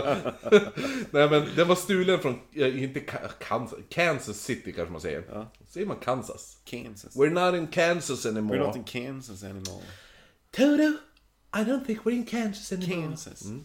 Och när man då spårar den till den riktiga ägaren och, ja. This is the murder car. jo, och han gav då, No, I call it the lover car. han gav, Den springer ut och why have you, why have you named it the death car? I have always called it the lover car. Den springer ut en 14-årig pojke i huset. Ja. Eh, nej men då, den här, den här riktiga ägaren till den bilen, Just, just blow the horn. yes. Den riktiga ägaren, han ger då en liknande beskrivning som fru Holt, du vet receptionisten där, ja, ja. så hade gjort på den här personen. Och man lyckas även få fram fingeravtryck från den här bilen. Oh, yeah. Som visar sig tillhöra den 19-årige William Edward Hickman. Hickeman. Ja. Eh, en person som faktiskt var misstänkt för ett rånmord på ett apotek i november året innan. Eh, samt ett par andra apoteksrån som man utfört tillsammans med en annan misstänkt. Plus att man nu i väskan, som innehöll delar av Marians kropp, alltså innanmätet och det där. Ja, ja. Ja, där fann man en handduk som var märkt Bellevue Arms Apartment. Där det visade sig att en viss Hickman hade checkat in under falskt namn. Plus att andra gäster i huset hade sett den här 19-åriga Hickman bära på en väska samma dag som han försvann från det Det huset. måste ha varit då... Uh, Marion i den. Hickman, han hade även åkt fast tidigare för förfalskning på National Trust and Savings Bank, där han hade jobbat ett kort tag. Och personen som vittnade mot honom var samma person som hade anställt honom, Perry Parker. Åh! Så lite lustigt också att han kallar sig The Fox, och att han är en criminal mastermind. Men han torkar inte bort sina fingeravtryck från bilen. liksom Nej, här. eller använda handskar. Ja, Eller tänkte på att jag kanske ska ta lite skräp som inte är från hotellrummet jag bor på. ja exakt. Men det är så... Hade jag varit smart hade jag åkt till ett hotellrum. Jag gillar det statement. Hade jag varit smart? Ja. Jag talar för honom. Hade han varit smart, hade jag varit smart. Då hade jag tagit eh, handdukar från andra hotell. ja. Typ att man, jag kan, jag, det har jag gjort någon gång, jag har gått in till typ Stora Hotellet, åkt upp till, till fjärde våningen när de håller på och städar, för då står städskrubben uppe och så tar jag typ deras de har anteckningsblock väldigt fint med deras emblem på som jag tycker om. så, så går jag ner. Ja men det finns ju två grejer. Så att då hade jag gjort det, då hade jag kunnat tagit handdukar också. För då hade man lagt ut ett falskt, falskt spår. Jo, jo, faktiskt. Mina föräldrar, de är ju mästarna på att stjäla handdukar på hotell. Jaha. Ja, det bästa är att alltid, de är alltid så nöjd när de kommer hem med såhär tio handdukar typ. Och bara Ja, alltså du förstår inte hur vi fick tag i de här handdukarna på hotellet utan att man märkte det. För att efter ett visst klockslag så, så tar de bort anteckningsblocket där man skriver upp när man lämnar in och tar ut handdukar. Så det var bara att hålla kvar vid massa handdukar till ett visst klockslag och sen packar man ner dem i resväskan! Gud vad de gör efterspaningar. jo, jo, de älskar hotellhanddukar. Jag kanske ska ta dem från storhotellet. Får tipsa dem om det. De har säkert jättefin in på. Ja, försvinner de så vet du, och någon stor hotellet-anställd lyssnar på den här podden så... Ja, jo. ja jäklar. Det här var ju Patreon. För polisen måste ju betala för att få tillgång till våra. Ja, eller hur? Nej men, så man var ju nu säker på att man hade fått fram identiteten på mördaren och kidnapparen då. Yes. Man hade dock inte fått tag på honom, och man visste inte speciellt mycket om, om honom. Så man kontaktade då den här personen, eh, hans mamma Ava Hickman i Kansas City. Som blev väldigt chockad över att höra hur hennes duktiga gosse var misstänkt för detta här brottet liksom. Detta här. Detta här brottet. Och jag skulle säga d- detta brott, men eh, blandade det här brottet och detta brott. Detta här. Detta här brottet. Och hon pratade om en märkvärdig dialekt. Jo. Vem är den Hur där? kan han vara misstänkt för detta här brottet? Hon var lite halvtysk. Detta här. Jag insisterar, jag insisterar att allt är ett misstag. Det gjorde hon också. Få line. Ja. Nej men hon var ju säker, hon var ju säker på att han jobbade som vaktmästare på en teater i Chicago. Och jobbar som clown och snickare. Ja, exakt. Men Usher, visst är det typ vaktmästare? Eller? Jag vet inte. Ja, jag tror det. Ja, ja. Ja, han var ju som hon sa, hon, han var en mycket snäll pojke. Och snygg. Och ledde söndagsskolan för barnen eh, i Kansas City Central High School. Där Hickman då hade gått och eh, den här skolan var ju också extremt chockad. För han var ju en exemplarisk elev. Han var populär, hade bra betyg, framröst, ja, jo, framröstad till elevråd tre år i rad. Han var ingen Powell. Nej. Nej. Men eh, han var, skulle ändå påstås vara snygg, skulle jag gissa. Mm. Duger i krig. Ja. Duger i coronatid. Ja. Eh, han var president över... Eh, jo, fra, tre år i rad framröstad till, till eh, elevråd då. Ja. President över National Honor Society. Ordförande. Ja. Ja, han var ord, vice ordförande då för hans senior class, som vad man, det ska vara.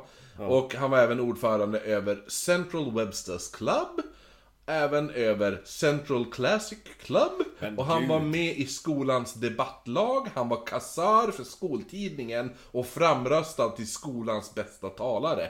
Det var inte Han dåliga... avslutade alla sina tal med If you want that against me, Ask God, God not man. Det var så de fick fast honom egentligen. Ja. När skolan såg, eh, när, bara, men känner du igen den här handstilen? Ja, jag känner igen handstilen men är det något jag känner igen är hans Resultatet. slutklämmen. Det var så han vann alla debatter. Alla debatter. Ja. Ja. Men då var det lite så här, varför skulle den här personen, alltså om man tittar på vem det här är, framgångsrik i skolan, går hur bra som helst med hur mycket extra credentials som helst. Bla bla. Varför skulle han åka till Kalifornien och mö- styckmörda en 12-årig flicka liksom? Mm. Hur som helst, vi, vi, kommer, vi kommer till det. Men i alla fall. Man valde att publicera en bild på Hickman i sökandet. Och om man tidigare fått tips om misstänkta så var det inte något jämfört med nu. All, alltså alla. Hade sett den. Ja, alla hade sett Hickman. Det, det här är ju Hagamannen. Ja. Grejen. Jag har ju sagt att jag var en av de som lämnade tips på Hagamannen. Nej. Jo. Och vilken såg du? Såg Jag du? såg ingen, du men riktiga? nej. Men vi, vi satt och chattade på typ Aftonbladets chatt. Typ. År 2000 Ja. är det här. Ja. Du är 16. 15. 15. Ja. Och då, vad hette det nu? Ja exakt, det var så. Det var allt jag skrev på Aftonbladets chatt. Nej men då var det någon som sa typ, ja ah, men jag vet vem det är som är Hagamannen. Och så sa han typ så här Seppo Larvi eller något sånt där. Ja det var något. Christer Pettersson. Så att vi bara, men jaha, ja. Så att, och så kollade vi upp och då fanns det ju någon i Umeå som hette just, Ja, ja. just det här.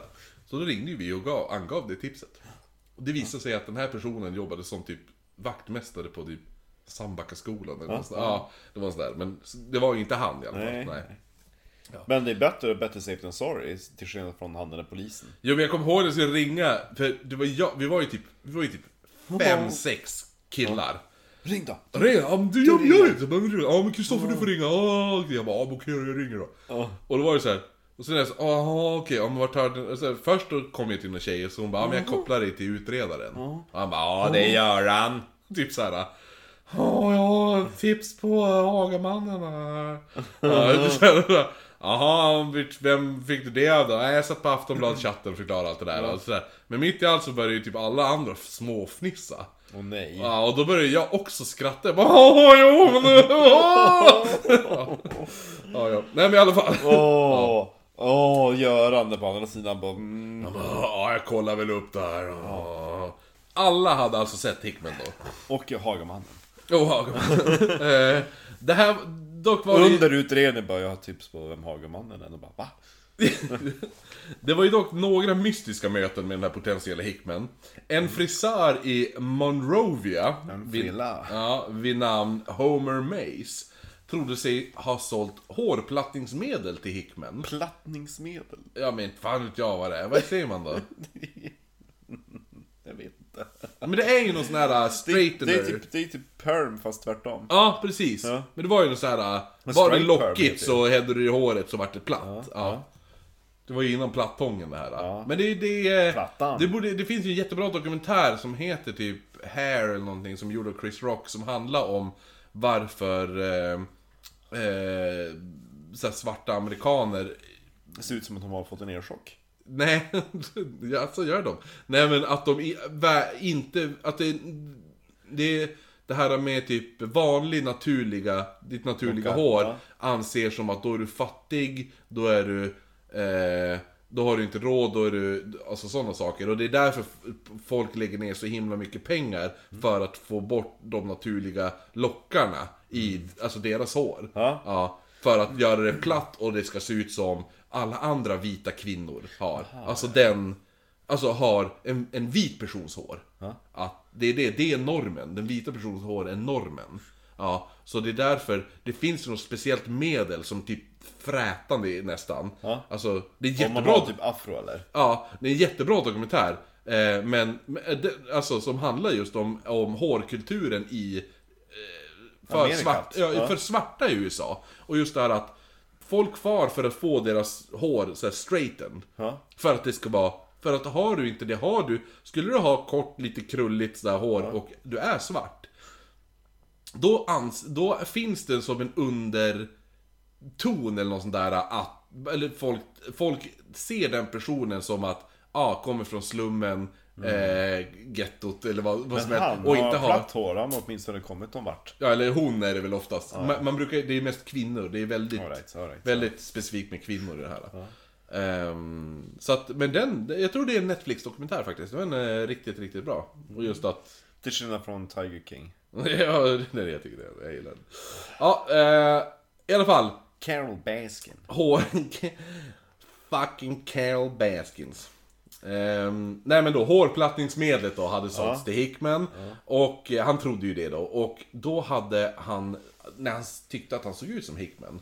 Då hade den här, eh, vad heter han nu, Homer Mace eller hade då sagt att Ja, det är ett högt pris på den här Marion Parkers mördare. Bara för att starta en konversation. Och den här mannen ska då ha sagt Citat! You don't know how close you are to getting it. Han har sagt. Förmo- det här var förmodligen inte Hickman. Nej, Nej, utan det var bara... I San Francisco ska man också då sett Hickman som... Eh, Hickan. Ville, Hickan som ville ha ett rum där han kunde ligga lågt tills allt har blåst över. Ja, han sa det i incheckningen. Han är like, like room place. Nej, han hade frågat att han ville ha ett hotell som inte frågar så mycket frågor. För han, you ask too many questions? för han vill ligga lågt tills allt har blåst över. I like to lie low. Until Och- everything's blown over. Den riktiga Hickman däremot var på väg i sin bil mot Seattle. Han visste att polisen skulle leta efter en man som färdades ensam och valde därför att plocka upp liftare. Smart. Mm. Två av dem var James Nelson och Erwin Mowry. Som var på väg till Portland och eh, var helt omedvetna om att de, de bilade med var USAs mest eftersökta man. Ja. Hickman visade även sin revolver för dem och sa att det var Jag har det för skydd när jag färdas längs vägen. Ja, ja. Liksom. Mm. Det, alltså jag hade inte klivit i en bil med någon som sitter där med on have for protection. Ja men han, jag tror inte när han stannade bilen så att de snurrar pickan så här. Tjena grabbar! Ska ni komma in så. och sätta er i bilen? Ja, bil. Han vart finne för någon anledning. Ska ni komma och sitta på det där? Sena grabbar! Precis. Sena grabbar. Åh, gud vilken... Läs breven igen fast på finska. Ja. Bienpark! Du hade satt din sista potatis.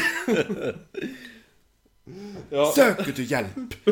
Fråga god och inte människan. nej men...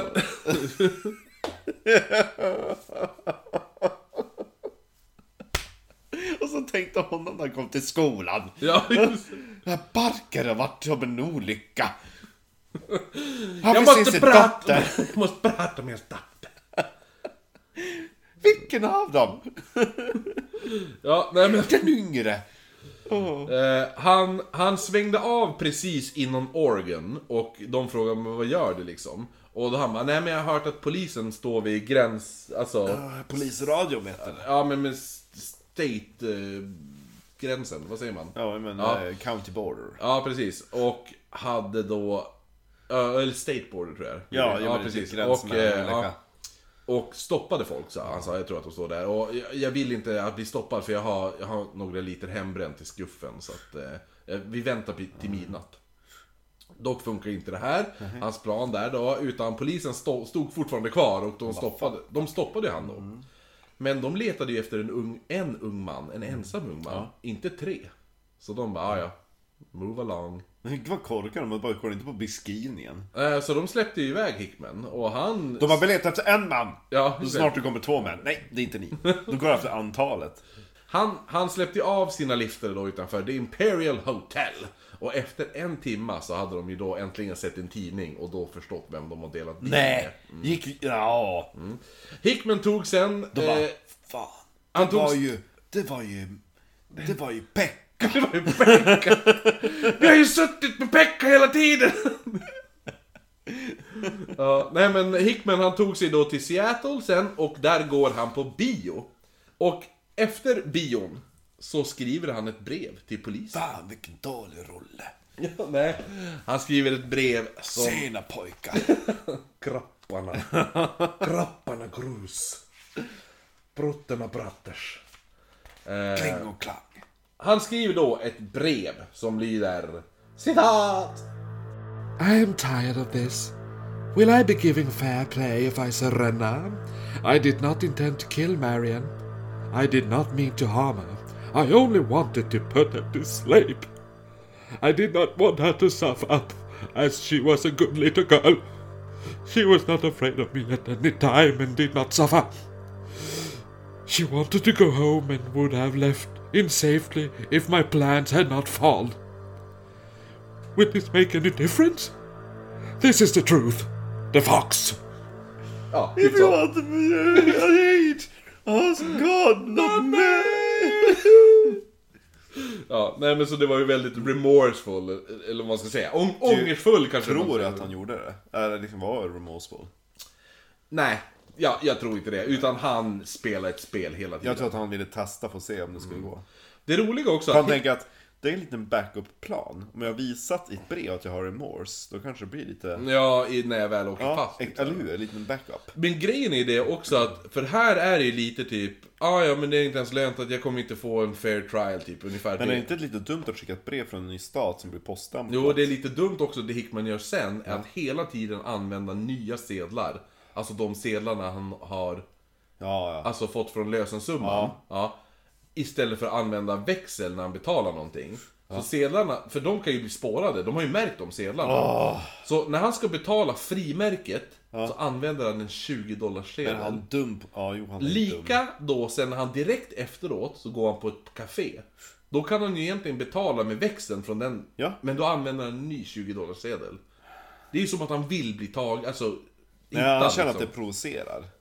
Ja, jo, jo. Hur lång tid tar det från att jag använt den här slanten tills de dyker upp? Ja, jo faktiskt. Men han ville ju även försöka överlista polisen och han börjar ju då resa tillbaka till Kalifornien då han utgår från att polisen tror att han är på väg till Kanada. Och han använder då liftarknepet igen och på väg tillbaka så plockar han i Oregon upp bröderna Bill och Jack Merrill. Och återigen så visar han upp sin revolver för någon anledning. Alltså kuken. Ja, exakt. Han, han släppte av dem och de var ju fortfarande ovetandes vem de hade åkt med. För de hade typ varit ute på någon jävla campingtrip typ såhär. Ja. Polisen var do, dock inte så dum som Hickman trodde. För de hade ju listat ut att han kanske också är typ på väg tillbaka. Och reporten Parker Brannin, som fått reda på att Hickman syns i Arlington, ska då ha betalat, eh, där Hickman då ska ha betalat med sedlar från lösensumman. Så kontaktar han då polischefen Tom Guardane, som tillsammans med State Trooper Buck Llewellyn åker till Pendleton. Och där väntar de tills de får syn på den här bilen då som de då det, de, de, det här måste vara han. Och den här bilen vägrar ju stanna. Och det blir, det blir en biljakt. Jättekort biljakt, liten biljakt. Eh, men Hickman stannar då och poliserna går fram med pistolerna dragna. Jäklar. Och Hickman säger då Vadå, körde jag för fort? Ja. Ja. Och de ignorerar honom och frågar vad, vad, vad, vad, vad, Vem är du? Vad heter du? Vad, säg ditt namn. Ja. Och Hickman säger då att ja, men jag heter Peck. Och jag kommer från Seattle eh, och ska hälsa på min mamma. Och då när de öppnar dörrarna, Ja. då ramlar Hickmans pistol ut. Ja. Som han hade i förarsätet. Ja. Och Hickman menar, ja jag har den ju som skydd när jag färdas ensam på vägen. Man, man bör vara beväpnad när man färdas ensam på vägen. Och då han, polischefen Gordane, Ja. han svarar då att ja, fast man brukar fan inte ha den liggandes i knät. Ja. Ja. Och innan man, eh, alltså när man gör det då. Ja. De hittade även 1400 dollar av lösensumman. Ja. Och ett avsågat hagelgevär. Det här hagelgevär som han hade sagt till Perry. Yes. Ser du det här? Ja. Mm. Och Hickman säger då, citat. Well, I guess it's all over. Var det över? Ja, när han blev arresterad, då, hade han, då hade han bara börjat skratta helt hysteriskt. Jäklar. Ja.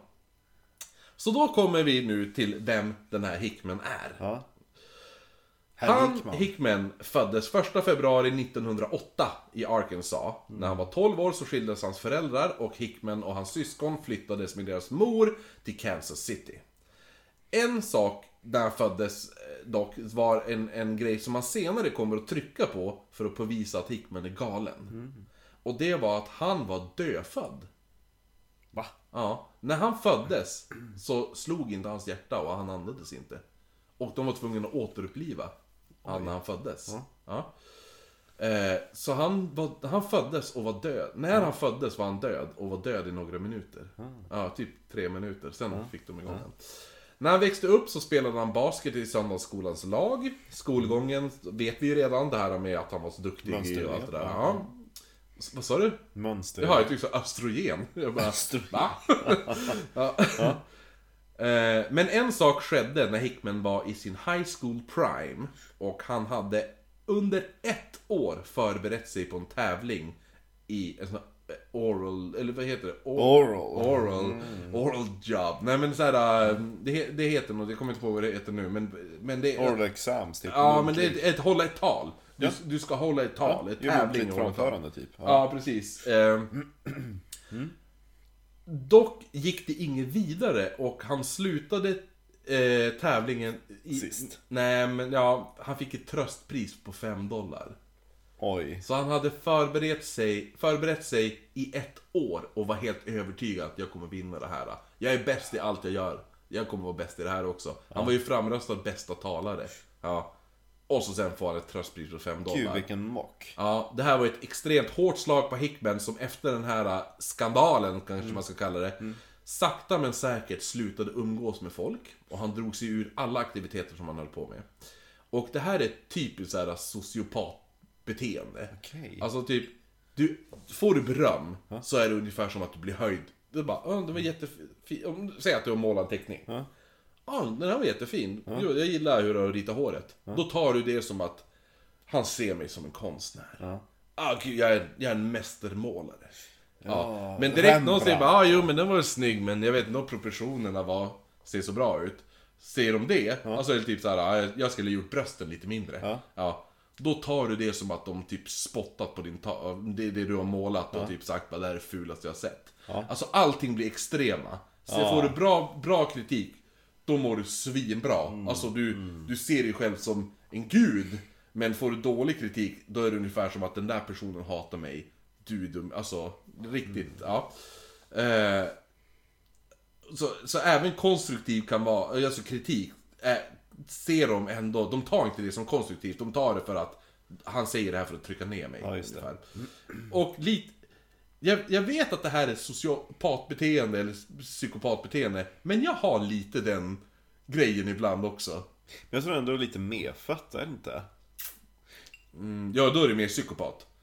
Nej men alltså att man har det att, att Även om någon kommer med konstruktiv kritik så är det lite grann såhär, ja men då är jag inte så jättebra. Ja, jo, men jag blir, jag blir direkt taggarna utåt. Alltså direkt någon säger någonting som... Men då, då, alltså, då måste jag se upp till en person så jag vet att de är bättre på det där, där de kritiserar mig. Ja, jo, eller hur? Ja. Exakt, men direkt någon som är lite... Om, du, om du skulle kritisera typ jag som, som tecknar, du som Ja. jag inte ens hur duktig du är på att teckna. Jag är, jag är inte bäst i världen. Nej men Nej. typ någon som bara, men gör det, ja, gör det bättre själv, då tycker jag är dåligt. Jag bara, men... Jo, Ja. jag förstår. Men det Ja. beror ju på hur man säger också. Ja, Ja, det beror verkligen mycket på det. men det är så här. För då, äh, blir- det, samtidigt kan det bli lite ring-ring-Anna i Idol. Ja. ja men sjung bättre själv då. Jo. Typ. Man bara, ja men nej. eh, Så lärde vi känna oss lite bättre. Ja, men... Eh, Men. ja, som sagt, lite sådär att lite där sociopat-tänket, jag kan vara så Han var ibland. namn. Ja. Den enda personen Hickman umgicks med var sin vän Vince... Va? Nej. Var sin vän Vincent Dornan. Vincent Men Price. när han dog 1926, då var det bara utför för Hickman då. Och under sin college-tid då, då träffade han en man som hette Welby Hunt. Och de bestämmer sig för att i november 1926 råna en godisbutik. eh, de fick 70 dollar, vilket idag motsvarar 10 000 kronor. Jäklar. Ja, nja. Sånt, sånt impressive brott var vi kanske inte. För en godisbutik! Ja. Ja. På julafton så rånar de ett... Kiosken på Böle. Ja, på julafton så rånar de ett apotek som drevs av makarna... Som drevs av en H.H. Holmes. Nej, som, nej, som drevs av makarna Toms. När en polis kliver in på apoteket av en slump så ut, utbryter en skottlossning där ägaren av ap- apoteket dör. Oj då. Hickman och Hunt lyckas fly och tar sig vidare till Kalifornien där Hickman då börjar jobba på banken, där Perry jobbade. Fortfarande med ett försök att tjäna lätta pengar så förfalskar han då de här checkarna och åker fast. Åh nej. Och det är där Parker hade vittnat mot. Ja, precis. Efter fått villkorlig dom så fortsatte han sin brottsbana och gjorde småstöter, småstöter, småstölder. Men han kände att det var no- han behövde någonting större.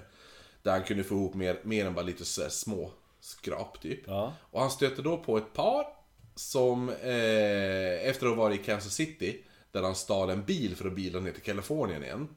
Eller Kalifornien säger man inte, Kalifornien. Ja. Eh, och det var tillsammans med dem som han kom på den här kidnappningsplanen. Och han visste precis då vem man skulle ge sig på. För Perry på banken, som han visste, hade ju en liten flicka som brukade leka där. Mm.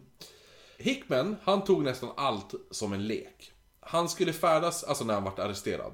Han skulle då färdas med tåg till Los Angeles och reportrar ville fota honom och eh, han hade sagt What should I look like? A crook? Typ när han... När, när de bara, ja men vi får fota det, får fota det? Jag bara, Vadå, hur vill ni att jag ska se ut? Som en skurk eller? Ja. Så här, riktigt bitchy. Ja. Och så sen hade han bara så här stått och flinat typ. Mm. Och Hickman kom att berätta flertal versioner om hur det här mordet gick till och försökte även få folk att tro att det fanns en medskyldig som hette Andrew Kramer. Och på tåget tillbaka till Los Angeles berättade han att han, han skulle ha varit med på kidnappningen och faktiskt haft väldigt roligt med Marion. Att de hade varit på bio och hon hade sett allt som ett äventyr. Men att det var Kramer som hade mördat henne och tvingat Hickman att göra sig av med kroppen då. Eh, det här var ju bara skitsnack. Och det som faktiskt hade hänt, från att han hade hämtat flickan från skolan, där han då medgav att han hade hållit sig från att flina när han lyckades övertala fru Holt att lämna ifrån sig flickan då. Han eh, visste faktiskt inte ens att hon hade haft en tvillingsyster och mannen som försökt locka över Marion till hans bil den morgonen. Du vet, där i början. Ja. det var Hickman. Ja. Så det var, det, så han, det var så han började, att han försökte få dem bara, "Oj, ta, hoppa över till min bil. Varför ska man göra, de gör det? Ja, han tänkte väl konstigt. Han Korkat. är lite knepig. Ja. Han förklarade att efter han hade hämtat upp Marion Ja. eh, så hade han berättat att ja, eh, bara så du vet, din pappa är okej, men du, jag har kidnappat dig. Jaha, Och hon- gud ja, vad roligt. Hon, ja, men hon hade varit väldigt lugn. Han sa ju då, han bara, men du kommer komma hem till din pappa snart. Eh, han ska bara betala så att får du åka hem. Och de hade faktiskt gått på bio och sett en film med ingen mindre än Buster Keaton. Buster Keaton, ja. När han lämnade henne ensam så hade hon bett då att inte bli bunden med ögonbindel. Vilket han då hade respekterat. Och allt hade gått enligt planen, men när han skulle överlämna då Marion så upptäcker han ju då att två bilar följer efter Perry. Ja. Och han förstår ju då att, ja, det där är polisen. Och Marion hade blivit skiträdd och orolig när hon inte varit återlämnad som han hade lovat. För han hade ju sagt det, men ikväll är kvällen du får komma hem till dina föräldrar. Ja. Ja. För han, ja, men och då han bara nej. Och så avbröt de planen hon bara, men varför? Liksom, här, och vart jätteorolig. Han försökte lugna henne, vilket det gick till en viss del, men eh, hon förstod nu inte varför han inte bara kunde släppa av henne. Mm. Bara, men släppa av mig skit i det här. Gör bara det, släpp av mig allt Jag det vill ha pengar. Ja, Ja. och så kunde de bara glömma allting. Ja. Och han hade faktiskt tänkt över det här. Men trodde då att han nog, hon skulle säkert kanske börja skrika eller någonting liknande. När det här hände och då skulle det vara större chans att hon åkte fast. Och när han skrev sina brev så bad han alltid Marion skriva en hälsning.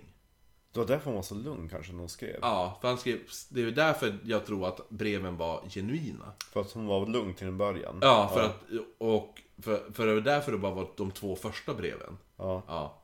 Sen, ja. Sen, ja, vart det inte det när han inte var lika lugn och sådär. Precis. Utan, ja. För att han sa, men, men skri, här, vill du skriva någonting till dina föräldrar? Typ såhär. Ja. Eh, själva mordet då. Det skedde när, eh, innan han hade skickat de sista breven. Den dagen valde han att ta på Marion en ögonbindel. Fast hon hade bett att inte göra det då. Och på vägen ut genom dörren hade någonting slagit till. Han var, tydligen, det han säger sen är att han var bara less på att se den här flickan i sin lägenhet. Varje gång han kom in till sitt lägenhet, då var hon där och nu hade han blivit less. Så han gick tillbaka in. Han hade gått till köket, hämtat en handduk. Han hade sen satt sig bredvid Marion och låtsas trösta henne, för hon var ju ledsen med ögonbindeln och det där. Och då sagt, ja men du kan vila ditt huvud i mitt knä. Och då hade han lagt, handduken hade legat i knät. Så hon hade lagt sitt huvud på handduken som han hade greppat runt halsen. Och så sen dragit åt och pressat med sitt ben Ja. mot hennes nacke. Med all sin kraft. Hon hade gurglat först tvärt. Men sen hade det inte kommit något hörsamt ljud. Efteråt så bar han henne till badrummet. Han band upp henne i fötterna så hon hängde upp och ner ovanför badkaret. Han startade vattnet i bad, badkaret där. Så skar han upp halsen på, på Marion då. För att börja tömma henne på blod. Under tiden som Marion Parker då hängde upp och ner ovanför badkaret och tömdes på blod Så går då Hickman ut i köket, och, för han var lite hungrig, och gjorde kex och sardiner. Sådana sådär, kex och sardinklämmor åt han. Han efteråt, när han hade ätit det och Marion var tömd på blod eller under tiden hon, hon hängde där och tömdes på blod och han hade ätit sina kex Yes. Så går han då iväg och köper smink och sytråd Ja. och kassörskan för det här eh, sminket och det hade ju tittat lite konstigt på honom. Och Hickman hade bara lätt... Ja, drag queen. Ja, han hade lätt lite självbelåtet. Och så lite... Och han kommer då tillbaka och när flickan var tömd på blod så började han själva styckandet. Va? Han skar upp hennes mage, tömde hennes innanmäte då. Var det därför att han skulle kunna röra runt henne ett lättare sen eller? Okej. Eh, medan tarmarna rann ut från magsäcken så kräktes Hickman i toan. Ja. Och han fortsatte sen då. Och han kapade då av hennes armar och ben.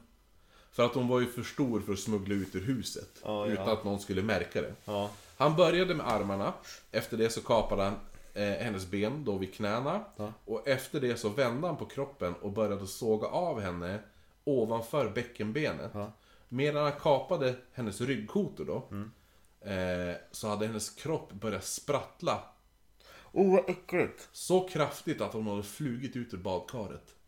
Medan han sågade så att hon hoppade omkring Åh men gud, så länge. Eh, Hickman som var van vid att slakta höns visste att det här var så en nervgrej som reagerade. Men, eh, alltså själv hade man jag hade ju dött av chock liksom. Fatta det. Ja, nej. Fy fan. Han fyllde då hennes ihåliga kropp med handdukar eh, och smutstvätt för att stadga upp kroppen. Så att eh, den inte bara skulle sjunka ihop där. Och medan han eh, skurade golvet och badkaret så tyckte han, för han hade satt upp henne. Som, ja, så han tyckte det var obehagligt för det såg ut som att hon satt och stirrade på honom hela tiden. Efter han var klar så tar han då ett bad. Alltså i samma badkar som han nyss, Alltså åh, vilken människa! som han nyss har styckat en 12-årig flicka i. Fast samtidigt, ja... Jag skulle nog också vilja tvätta mig efteråt. Ändå. Eller? Fast samtidigt är det fucking... Jag hade inte gjort det i samma badkar. Ja men vad ska han gå till grannen och knacka på? Hej! Ah, Ja. Jag hade tagit in på ett hotell eller vad som helst, så här uh, rent by the hour. Mm. Ah. Efter badet så går han upp igen och så sminkar han henne för att göra henne mer, se mer levande ut då. Jag vid själva överlämningen. Han satte upp hennes hår i en hästsvans, knuten i ett sidenband. Och för att hon skulle då se vaken ut så tar han då nål och tråd och syr upp ögonlocken till en fast position. Som är helt uppspärrade. Mm. Likdelarna bär han ut i omgångar och allt utom torson så då dumpar han längs vägen. Den, Ja, den dumpar- ut genom bilen. Ja. Mm. Den dumpar han ju senare i, den där- i alltså, eller, ja, alltså under själva överlämningen där, torson som, vi all, som vi vet. Hela anledningen till den här kidnappningen och vad som slutade i ett styckmord då på en 12-årig flicka var alltså en fjuttig summa på 1500 dollar ju. Ja. Det är allting. Vilket Hickman skulle använda för att kunna betala avgiften för att studera. Så att den kunde bli ett kyrkligt ämbete. Nej. Mm. Den. Kyrkligt ämbete mördade han en 12-årig flicka för. Det känns inte så kyrkligt. Åh! Hickman då, som alltså nu transporteras via tåg till Los Angeles, flyttas från tåget innan slutstationen då. Då man gissat att förmodligen så kommer han bli lynchad när han anländer. Speciellt då folk på stationer på väg till Los Angeles var fullpackade med människor som bara hatade Hickman. Man övernattade på ett häkte i Los Angeles, eller innan Los eller, övernattade på ett häkte innan Los Angeles. Och hans tid i häktet var övervakad hela tiden eftersom medfångarna hotade att slita honom i stycken. Dock försökte Hickman faktiskt ta livet av sig två gånger den här kvällen. Ja. Eh, det var dock inte så bra försök. Det första försöket var bara att han hoppade ner från sin säng med huvudet före. Yes. Han, det, eh, det andra var mer, eh, då försökte han hänga sig själv. Faktiskt. Ja. Eh, han släpptes av tåget och kördes med bil till stationen utanför Los Angeles. Och sattes, ja, och sattes sedan i häktet. Och då när det här tomma tåget sen ankommer så väntade alltså 2000 människor. Jävligt arga människor. Men eh, då var ju redan Hickman häktet. Så de stod ju där och väntade på att han, alltså när tåget kom liksom. Eh, medfångarna där på häktet han var, nu var i, hade hängt upp hans bild från tidningen då, hade de klippt ut. Och så hade de hängt upp den i en klassisk, bilden in, alltså på hans huvud, i en klassisk hängsnara. Ja. Ja. Eh, ru- runt halsen på bilden. Och varje gång den togs ner så ersattes den av en ny. Ja. Ja. Han var alltså, alltså det är alltid något särskilt när det är barn. Ja, han var hatad av allt och alla. ja. Ja, exakt så här. Och det hjälpte inte heller att han hela tiden gick omkring och så här smålog. Lite självbelåtet. Han kom även på nu att spela idén att vara galen, eh, då han hoppades då på att kunna klara sig Ja, för han såg ju väldigt sane ut tidigare. Men han hoppades på att klara sig undan dödsstraffet genom att yrka på att han var galen. Och vart han fick den här idén från var förmodligen eftersom för några år tidigare så hade duon vi pratade om i första avsnittet om ehm, Holmes De som jag kommer kunna garantera att vi kommer göra ett avsnitt om är Leopold and Loeb. En eh, duo, High Society-duo. Lodde och, Grolle. Två, ja, två unga pojkar som bara, vi ska göra the perfect crime. Hur gamla var de? 12? Ja, men de är typ eh, 20-årsåldern ungefär. Ja. Och, eh, och bestämmer sig för att eh, kidnappa en, eh, en ung pojke. Och sådana där saker. Och de sa ju att de var galna.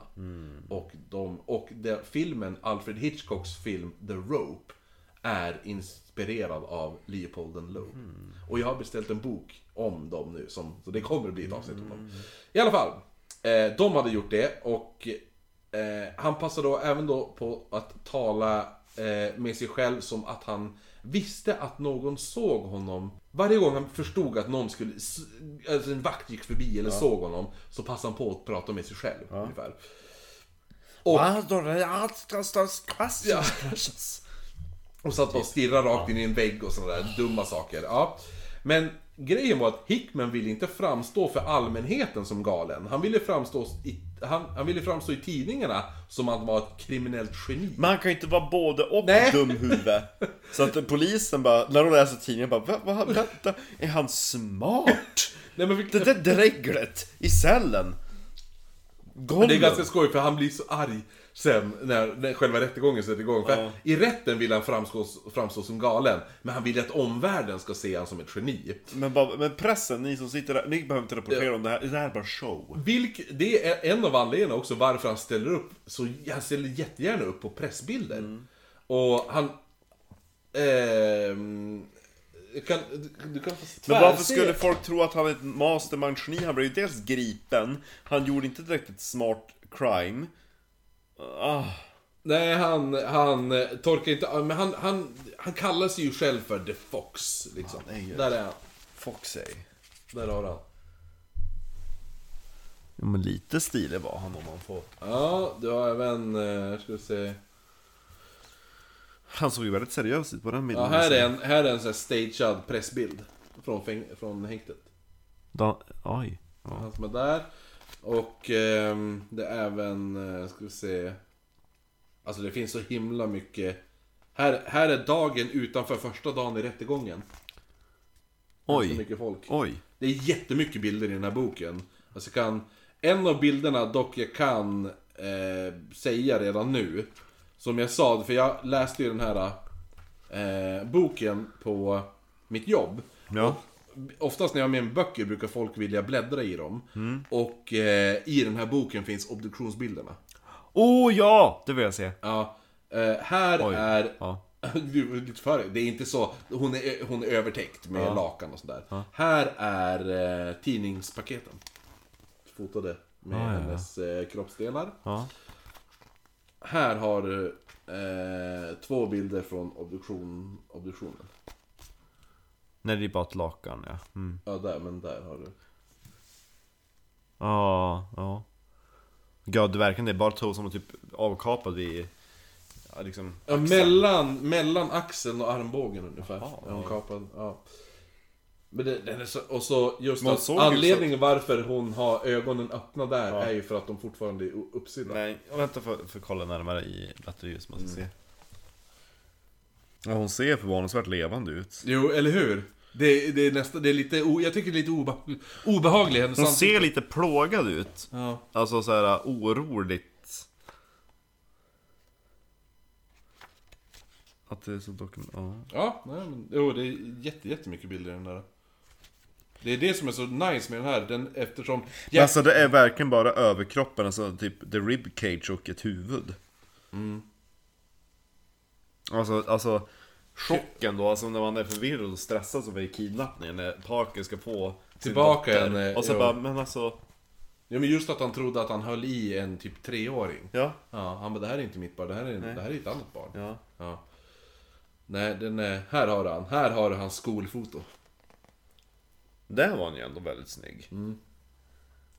Han skulle kunna spela Doctor Who, det ser ut som en... Ja, han är lite Dr. Who-ig faktiskt. Ja. Eh, Han skulle spela The Master.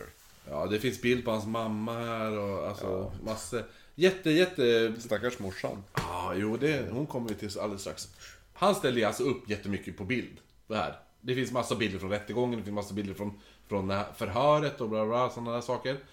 Och han skriver ju då även ett brev till sin mor som vi kommer, det kommer enbart på Patreon. Eh, Ska jag läsa det för dig? Så att du får höra hur det låter. Ja. ja. Det var mamma.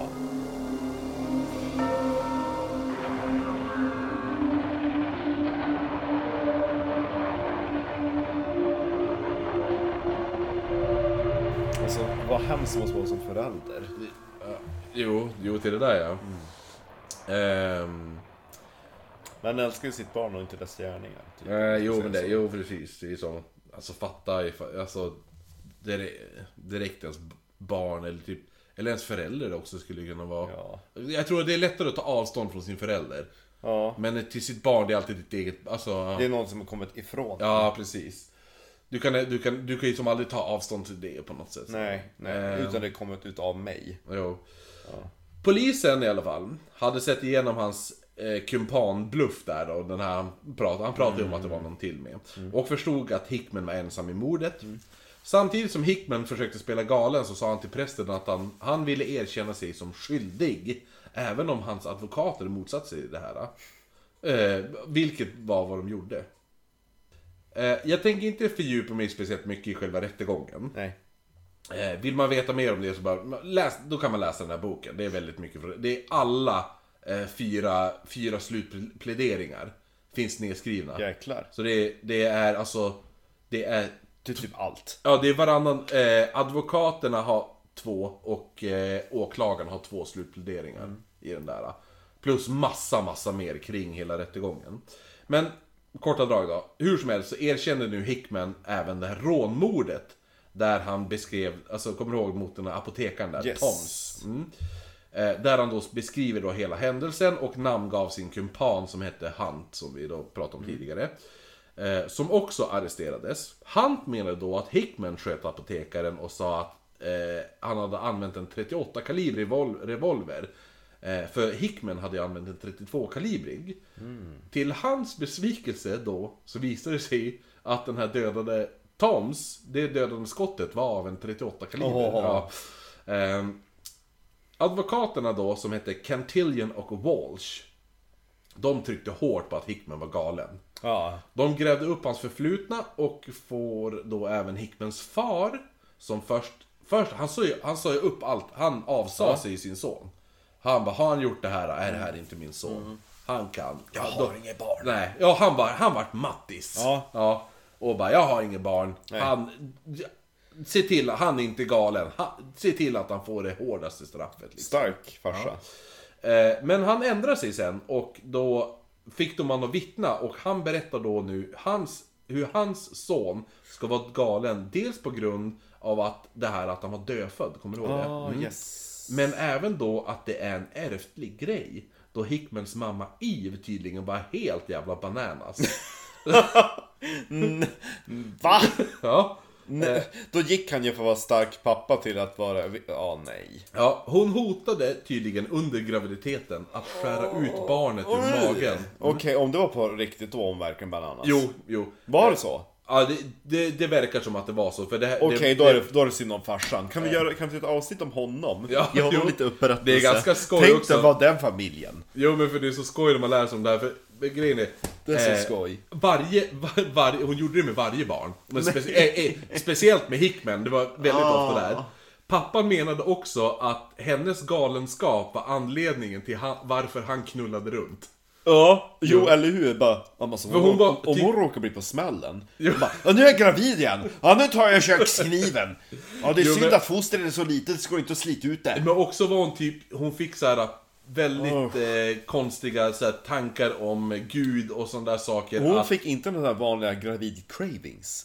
nej, nej. går runt och snus, snusar Ja, på hennes bensin. cravings var ju att skära upp magen liksom. Eller hur? Kunde inte hon blivit så och käka oliver och snusa på bensin? Ja, snusa på bensin! Ja, min, min eh, tremänning, Min mamma gjorde det. Min tremänning gjorde det. När Åh, hon var fan. gravid med Men min... boffa bensin, du blir ju knäpp i Nej men huvudet. hon, nej nej, hon gjorde inte mycket. Alltså det var typ att hon bara... Alltså jag körde så jävla mycket bil för jag ville liksom när jag gick och tankade. Man känner liksom, Ja, man går på men hon satt bensinstation. inte, hon satt inte som man här, sitter med Nej! som Men det är bensin. ungefär så, det känner jag också ibland. Bensindunk bara. Nej, men alltså när man fyller på eh, typ uh, gräsklipparen. Ja men bensin luktar gott. Det gör ju Ja det gör ju det. Ja. Men, alltså, sitter du och boffar det, du, din hjärna försvinner ju. Jo. Jo, jo. Eh, men, men han berättade även då också att det var flera personer i mammans släkt som var galen. Morbrorn var galen. Eh, mormodern Rebecca var också knäpp. Eva, Eva Hickman som... Den raggliga Rebecca. Eh, Eva Hickman, alltså mamman då, som senare, hon och, vittnade också. Berättade om hur hon och hennes far, när hon var liten, brukade gå ut i skogen och leta efter hennes mamma. Med endast hjälp av mammans ylande från skogen och hennes hysteriskt gråtande. Men Det var gud. så de försökte leta reda på henne i skogen. Mamma! Är du där? Okej. Eh, läkaren Dr. Skog, han... Så spelas utav, eh, vad heter han som hade, som skulle låta? Harry, Harry, Harrison? Ja, ja, Harrison. ja. Ja, jo. Som Ja. i Julika Pernum, eller Skog. Ja, just det. Ja, jag ja, glömde ja, bort det. Ja. Eh, nej men, Dr. Skog där, han vittnade om att Hickman var galen och inte visste rätt från fel. Och, Obviously not. och vissa sa även att mamman då- då var galen också då. Som vi har konstaterat, förutom pappan. Ja. Speciellt då hon hotade att hugga sönder barnet i magen. När hon, ja. Men det, det, det man kan ta från en grej som från advokaterna sa i deras slutplädering där. Det var en grej som var ganska, som satte, det var ett ganska starkt, eh, stark grej som sa, det var många som tog åt sig av det. Och det var, för de sa då, ni har väl alla sett hur en pojkes kropp förstörs av sjukdomen polio? Ja. På samma sätt har den här mannens psyke förstörts av en sjukdom som ni inte kan se. För polio, det är det som Mary Berry har. Hon som är i Hela Ängeln bakar. Va? Har de hade. inte tagit bort polio? Finns det fortfarande? Nej, men hon, hon var ju, det var, hon är ju född på typ 30-talet. Ja, du menar hon hade det? Men Ja, hon hade det. Ja. jo, jag och menar- hon, eh, hon eh, överlevde men har ju dels försvagad vänstersida och kan inte räta ut Ah. Det hade ju eh, Teddy Roosevelt. Han hade också polio. Därifrån eh, teddybjörnen kommer ifrån. Ja. Ja, vet du vet varför de... nej, Alltså, vartifrån, varför teddybjörnen vart teddybjörnen? Men jag tänkte någon merch? Nå, jo men för grejen var att eh, Teddy Roosevelt älskade ju att jaga. Ja. Och då hade någon kedjat fast en björn. För han ville ut och jaga björn. Och så hade de kedjat fast den. Och här! Här Teddy Roosevelt! Här har du björnen! Och då sa han, jag tänker inte skjuta den här björnen. Jag tänker inte skjuta ett djur som ni har kedjat fast. Och då var det någon som gjorde en satirteckning. Över att, åh, kolla Teddy Roosevelt, han skjuter vägrar skjuta björnen. Ja. Ja. Och då var det någon, och då var det någon som gjorde då den här, då gjorde man Teddybjörnen utifrån hur björnen på den här satirbilden såg ut. Jaha. Och det är därför man döpte den då till Teddybjörnen. Ja. Så det var, där har ni lite onödig vetskap. Det, ja. Hur som helst, men jag gillar, jag gillar den där äh, jämförelsen med att ni, kan ju, ni ser ju hur ett barns kropp förstörs av polio. Hans psyke förstörs Det, då för, alltså, för de som inte vet vad polio är, det är ju en muskelsjukdom. Som typ, det förlamar ju delar utav. Ja. Och får man inte behandling fort då kan man ju dö. Jo. Och det kan ju bli så allvarsamt så att man slutar ju andas. Det Så man ligger ju någonting ja. i, Det var väldigt vanligt hos barn va? mm, ju barnpolio. Och de eh, som får väldigt grov polio, de får ju ligga i vad som kallas för hjärnlungor. Men just stora ja, kapslar ja. som såhär, Just ja, ja precis. Ja. Ja. Mm. Och det var det hon berättade, det finns en bra dokumentär om Mary Berrys liv. De berättade om sin upplevelse när de var på poliosjukhus. Ja. Tänkte typ Hällnäs sanatorium, det var Ja. mitt ute ingenstans. Ja. Mycket frisk luft och sådana saker. För det, för det delades också med de som hade eh, TBC. Ja, ja, ja, ja. Och då sa hon att hon hörde ju om natten hur de där hjärnlungorna Ah, gick. Och ibland så hörde hon hur de stannade under natten. Det betyder att någon utav Ja, barnen då hade de hade dött. dött. Ja. Hon sa att eftersom det var TBC med lungsjukdom, då, då förespråkade mycket frisk luft. Så de hade alltid fönstren på vid gavel. Ja. Hon bara, det gick ju an på sommaren, på vintern. Aha, När man skulle jo. ta dricksglaset på morgonen, då hade det frusit. Satan. Ja.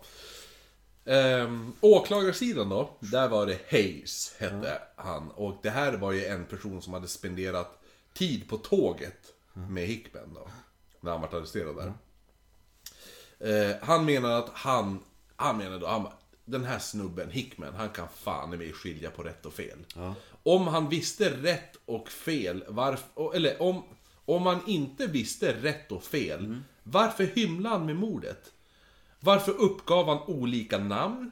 Varför använde han sig av liftare för att undkomma polisen? Jo, för han visste att han hade gjort fel. Och han visste att, att, att det här, det har gjort är fel, men, men eh, jag gör det här för då tar de inte fast mig. Ja. ja. Men han kanske inte är normal, men han är fan inte galen. Ja. Han planerar och utnyttjar. Det är vad han gör. Han är en iskall och kalkylerande mördare som inte borde få existera i denna värld. Nice. Ja. Och där har åklagaren en väldigt bra poäng. Ja. För Hickman använde ju faktiskt falska namn, var väldigt beräknande i sin flykt med mera. Inte alls att han inte skiljer rätt från fel, för Mm. alltså kan man inte skilja från rätt från fel förstår du ju inte riktigt varför du åker fast. Nej, eller hur? Han bara, men varför då? Det är Ja. lite som vi har, jag brukar nämna det, den här Green River, Gary Ridgway, Ja. Green River Killer. Han var ju också, han förstod ju inte riktigt, när han åkte fast tyckte han det var lite konstigt. För han trodde ju att han hade hjälpt polisen efter att han hade mördat alla de här prostituerade. Ja. Så han förstod inte varför polisen var arg på Han, säkert. förstod, han visste att det var olagligt.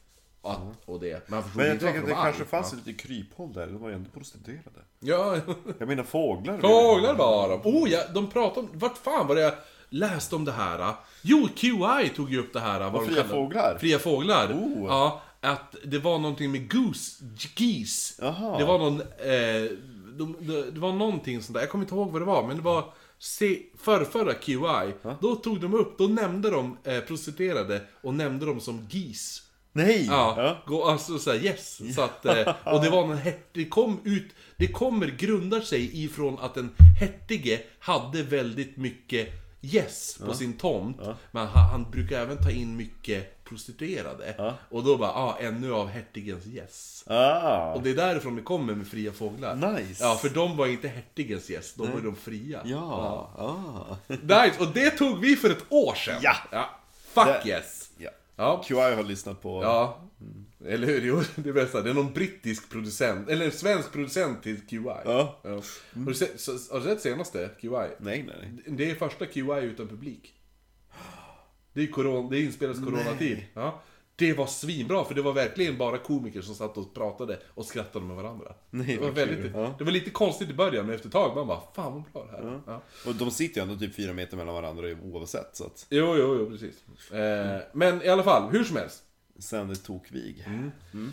Det bästa av allt var att Hickman själv visade sitt rätta jag när han blev extremt arg på sina advokater. Ja. Då han absolut inte ville få folk tro att han är galen. Nej, han ville ju framstå som det här geniet, the fox, the mastermind liksom. Ja, inte en jävla foliehattgalning liksom så här. Men han ville ju då som, som vi sa tidigare att, att, att rätten skulle se honom som galen. Och det här är också lite så här typiskt sociopatbeteende. Ja. Han vill både ha och äta kakan. Ja, eller hur? Hickman, som först inte tänkt vittna själv, valde till slut att vittna. Där han då berättade att... Jag måste ju berätta hur jävla smart det är! Ja, han... Vänta, vänta. Jag har förberett mitt år. Exakt. Ja. Nu håller jag tal! Sluta med. Du, du blir dödsdömd, men du har fem dollar i tröstpris. Exakt. Nej, men han säger då att han har blivit styrd av en högre makt. Och han är inte ansvarig då en gudalikt makt har styrt honom. Allt var planerat och makten skulle skydda honom. Eh, dock punkterades det här väldigt hårt om man ifrågasatte varför han ens åkt fast. Om han då blir skyddad Ja. av en gudalik. Och varför han först kidnappat en flicka och sen mördat henne. Ja. Ja. Varför mördade han inte henne bara på en gång? Ja. Varför var du tvungen att fly och fejka ditt namn? För att inte åka fast, om du ändå var skyddad av en... Ja. Varför, varför skyddade inte makten Hickman liksom? Och det här kunde han ju inte alls svara på. Nej. Eh, det enda han sa att, eh, jo men det, är det var ju uttänkt. Ja. Ja, liksom så här. Det tog... Eh, Innan, innan jag säger det här, ska jag bara säga att, att varje gång hans mamma eller hans far var i rätten Ja. Så satt han bara med huvudet ner så här Ja, Och vägrade titta på dem Ja. Hans mamma försökte även få honom att titta på honom Men, Mm. han, alltså Prata med sin son, men han, han vägrade Så hon ju älskade Ja, honom ja, ändå, fast hon hade, hon hade tänkt Jo men du måste honom. ju älska väl din son? Men hon hade ju tänkt slita ut han i magen. Jo, man var lite knepig. det tog 43 Jag ska slita ihjäl dig nu, du unge jävel! Jag borde ha gjort det för 20 år sedan när det var i, i livmodern min! Titta på mig, jag talar till dig! Och sen så går hon ut ur, ur dörren och så, nej de hör mormor till honom. Ja, Rebecca. Skrika ut, ute på gatan.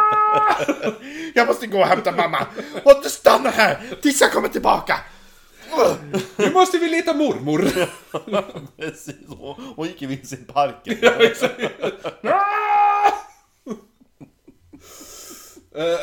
Kan vi få en intervju med, med eh, jag vet inte, den, eh, åklagares eh, eh, mormor? Ja, Om ni hittar henne! Exakt! Ja, om ni letar reda på henne. Det är inte vilken fantastisk sitcom, men bara man, den som karaktär som är helt out of screen. Tid Ja, exakt, man hör den aldrig. Men är det inte, jo men det finns ju en sån out of screen character. Ja. Eh, I, vad heter han? Tim Allen hade ju någon sån här snickar, eh, typ, tänk dig Martin Timell i en sitcom. Där Martin Timell spelar sig själv. Ja. Ja, där han bara, ja, något sådär. Men jag kommer inte ihåg vad den hette. Det är någon jävla jävel som lyssnar nu som bara 'Jag vet vad den heter!' Ja. Ja, men då var det att grannen de, varje gång kran, grannen var med så stod de alltid på varsin sida av planket och pratade. Ja. Så man såg bara grannens hatt. Man såg aldrig grannen. Mm. Det var ju en sån här out of screen character. Ja. eh, nej men i alla fall, det tog 43 minuter innan juryn återvände till rätten. Ja. Jag tror att den hette Tummen mitt i handen på svenska har jag för mig. Ja, ja, Eh, men 43 minuter innan juryn återvände Och till det hon sa åt, Va? Hickman. Du har tummen mitt i Ja, handen. Nej men att, att eh, de kom då tillbaka med domen och det vis, då, de dömde honom, då han var skyldig. Och Hickman dömdes till döden genom hängning. Hickman han reagerade inte ens. Han satt som han då hade gjort hela rättegången som jag berättade om. Med huvudet vilande. Han försökte, han försökte hålla för öronen för mormor stod ju Ja, ja. När man satt med huvudet vilande, alltså pannan ner mot bordet. Typ så här. Han hade inte kunnat sova under hela natten för mormor utanför cellen. Eh, han dömdes även för mordet på den här apotekaren Toms tillsammans då med Hunt, som fortsatte säga att han var oskyldig till mordet. Och han brydde sig, han sa såhär, jag bryr mig fan inte vad folket tror. Eh, han kunde ta en felaktig dom, visst. Men han sa att Hickman visste att, att han, Hickman vet att jag är oskyldig. Och ja, han hatade honom för det, för att han kunde faktiskt berätta sanningen om rånmordet. Ja. Men han vägrade. Så han sa att, jag skit, visst döm mig till det. Men den där jäveln, han vet att jag inte gjorde det. Och han sitter bara och njuter nu. Ja. Eh, dock var han minderårig, så han kunde inte dömas till döden. Ja. Och eh, han dömdes till livstid. Men släpptes så här parole någon gång senare. Jag kommer inte ihåg när. Eh, och 18 och det finns två olika datum. Vissa menar att det var 18, vissa menar att det var 19 oktober. Då Hickman klev upp till schavotten. Ja. Ja. Där han hela tiden log. Så här, gick, som han alltid Han gjort. tänkte att om det här är sista fotot som tas av i gick- historieböckerna. Han har ju gått och hånlett hela jävla tiden. Mm. Men, så fort han såg den här snaran, som snart skulle vara runt halsen, Mm. så svimmade han. Nej. Och han vaknar inte innan de avrättar han. Så de fort drar han till, till eh, snaran, Ja. lägger snaran runt halsen. Ja. Eh, skarprättaren ger då tecknet. Och tre män tar då fram sina knivar. Ja. Och skär av varsitt rep. Jaha. Och det här, ett av de här repen går till falluckan. Jaha. För, Varför de, gjorde man det så? för att man, det är likadant med arkebusering. Du har fem personer med varsitt gevär. Det är bara en av dem som har det riktiga skottet, de andra har lösplugg. För att ingen ska veta vem det är som har Man skjutit. vet att jag kunde ha gjort det. Va? Jo, men det är, ingen ska veta att, att ska vet, ingen ska behöva leva med tyngden över att du har mördat någon annan. Och just att det, det, den, alla kan tänka sannolikheten att jag, in, att jag inte har mördat han är störst. Alltså är större än att jag har gjort det. Ja, det var- Likadant var det det här. Tre personer skär av repet. Eh, Tänk om han var skitsnabb, en av den Ja, exakt! Du. Och så är han död. Jaha, men, men Per, du har inte ens skurit av ditt rep. Nej, men... Vem Och sen vet? bara, du vet ju att det är mitt rep som kommer döda honom, det är inte rättvist. Ja. Knyt ihop era rep så kör vi igen. Men, men, nej! Nej men jag, jag, jag gillar ändå den grejen, det här att... Det var ju så, det var ju så eh, eh, Gustav den tredje var också teaterkungen. Ja, ja. För att när varje gång han skulle signera en dödsdom, Ja. Då sa han bara, men lägg massa grejer som jag måste signera på bordet. Jaha, så han visste inte vilket av pappren? Vilken av, Jaså? ja, han vill inte veta vilken av hans signaturer som hade skickat någon till döden. Ja men det var ändå, det var ändå fint ju. ja. Ja. men, men det är ju samma sätt då det Typ som när folk kommer bara, your highness sign this. Ja. han bara, mm. Jo, men, eh, jo men det är ju samma sätt det här att Jag menar, är du, är du anställd på... För grejen är de som utför de här eh, sin arkebusering och sådär De som, alltså Utför det är ju bara anställda på fängelse. Ja, de brukar ju oftast fråga den som hugger huvudet av bara, do you forgive me? Typ. Och många brukar säga jo, alltså det är ju... Jo. Men så att jag menar, det är som så här, blir jag an, tar jag en anställning på ett fängelse, säg att jag tar anställning här på vårat eh, fängelse här i Umeå. Liksom. Och då de bara, ah, jo, ibland kan det bli att du måste döda någon. Då vill ju jag, då hade jag ju hellre tagit det att att fem stycken personer trycker på en knapp. En av de knapparna ger den riktiga giftinfektionen, alltså injektionen. Infektionen. Jag ger honom en giftinfektion! Ja. Det tar tre till sex veckor innan han dör. Ja, nej men jag, jag förstår ju den grejen liksom. Ja. Ehm, vad ska vi se. Men jag tänker alltså när man vet att vad han hade gjort, då hade det liksom inte... Nej, nej, det är väl klart. Men de måste ju fortfarande... De kan ju inte ha bara Det jag som ska göra det! ja, jo, jo, vi vet att du var med. Jag ska... Jo, men det ska vara fyra andra också. Nej! Det är jag som ska göra det! Han springer runt så här, klipper av det här repet på en gång. Men ursäkta... Den där kniven... Han har dödat de andra redan. Är det där en lösmustat? Är du hans mamma? Jag ska skära ut han! Och under luckan skriker mormor. Ja! Ja, det är vi i alla fall. Tre personer då. Skär då av det här repet. Och luckan öppnas och Hinkman... Hink, Hinkman. Hinkman pissar i hinken, eller vad fan var det du sa? Pinky Hink. Big King. Ja. Förbandet från Öviken där. Jag trodde vi skulle säga Hickman. Nej, det här är Pink Hink. ja, nej men... Hi- Hickman, Förband till avrättningen. Hickman han föll... Det, det är såhär, förband till en avrättning, det är bara tortyr. Ja. Nej men Hickman han faller alltså ner då, när luckan öppnas. Dock är det en grej nu. Han Eftersom- lång. Nej, han hade ju svimmat, kommer du ihåg. ja. Så hans kropp hade ju slumpat ihop. Ja. Vilket gör att hans nacke brys inte. Utan han stryps. Nej. Han stryps ihjäl. Eller och jag menar jag, Ja. han. Ja. Precis som han hade strypt Marion Parker. Och det tog 15 minuter innan han slut, alltså hans, Han slutade sprattla. ah, exakt, hans, hans hjärta stannade. 15 minuter tog det även för H.H. Holmes. Faktiskt. Eh, har jag för mig. Men jag tror att det var så här. han dog på en gång. Hans nacke bröts. Men det var typ, ja. Men den här snubben tog det 15 minuter. Jaha, ja. Du menar Holmes att han dog på en gång? Ja. Ja, jo, men den här, alltså Hickman, han ströps i 15 minuter. Ja, det förtjänar. Ja, eller hur?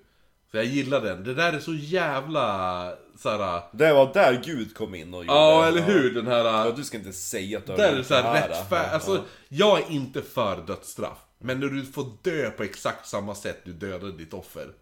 Det är fan... Ja. Ja, alltså jag, nej jag är inte emot, eh, jo, nej, vänta. Jag sa, jag, jag är inte, jag sa, sa jag till jag, jag är inte för dödsstraff. Alltså, jag är inte det. Jag, jag förespråkar inte dödsstraff. Nej, nej, men jag tycker att om man har gjort ett mord, då Mm. kan de sitta och ruttna i en cell. För Jo. det är ju... Det är Det tycker jag det är värre. Än Mm. att få en snabb avrättning.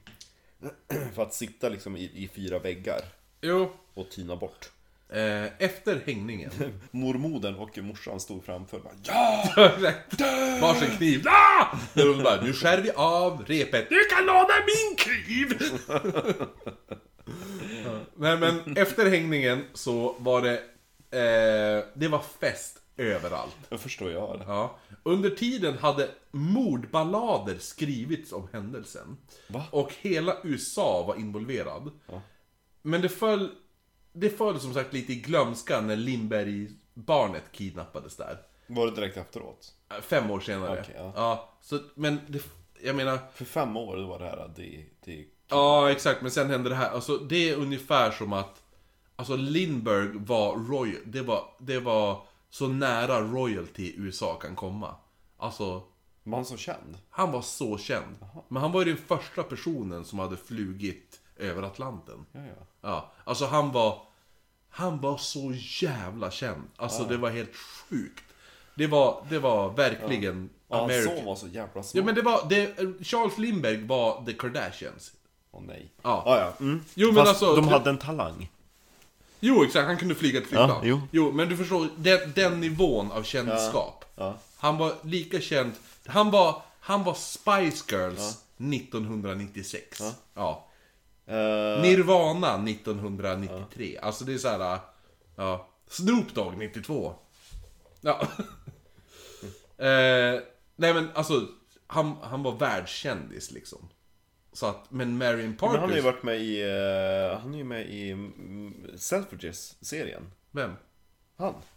Piloten. Charles Lindbergh? Ja. Jaha, Ja, okej. de ja. tog ju hans flygplan satt upp i, i butiken. Oh, ja. Och han fick sitta och signera. Ja. Och det är därifrån mitt glas ifrån.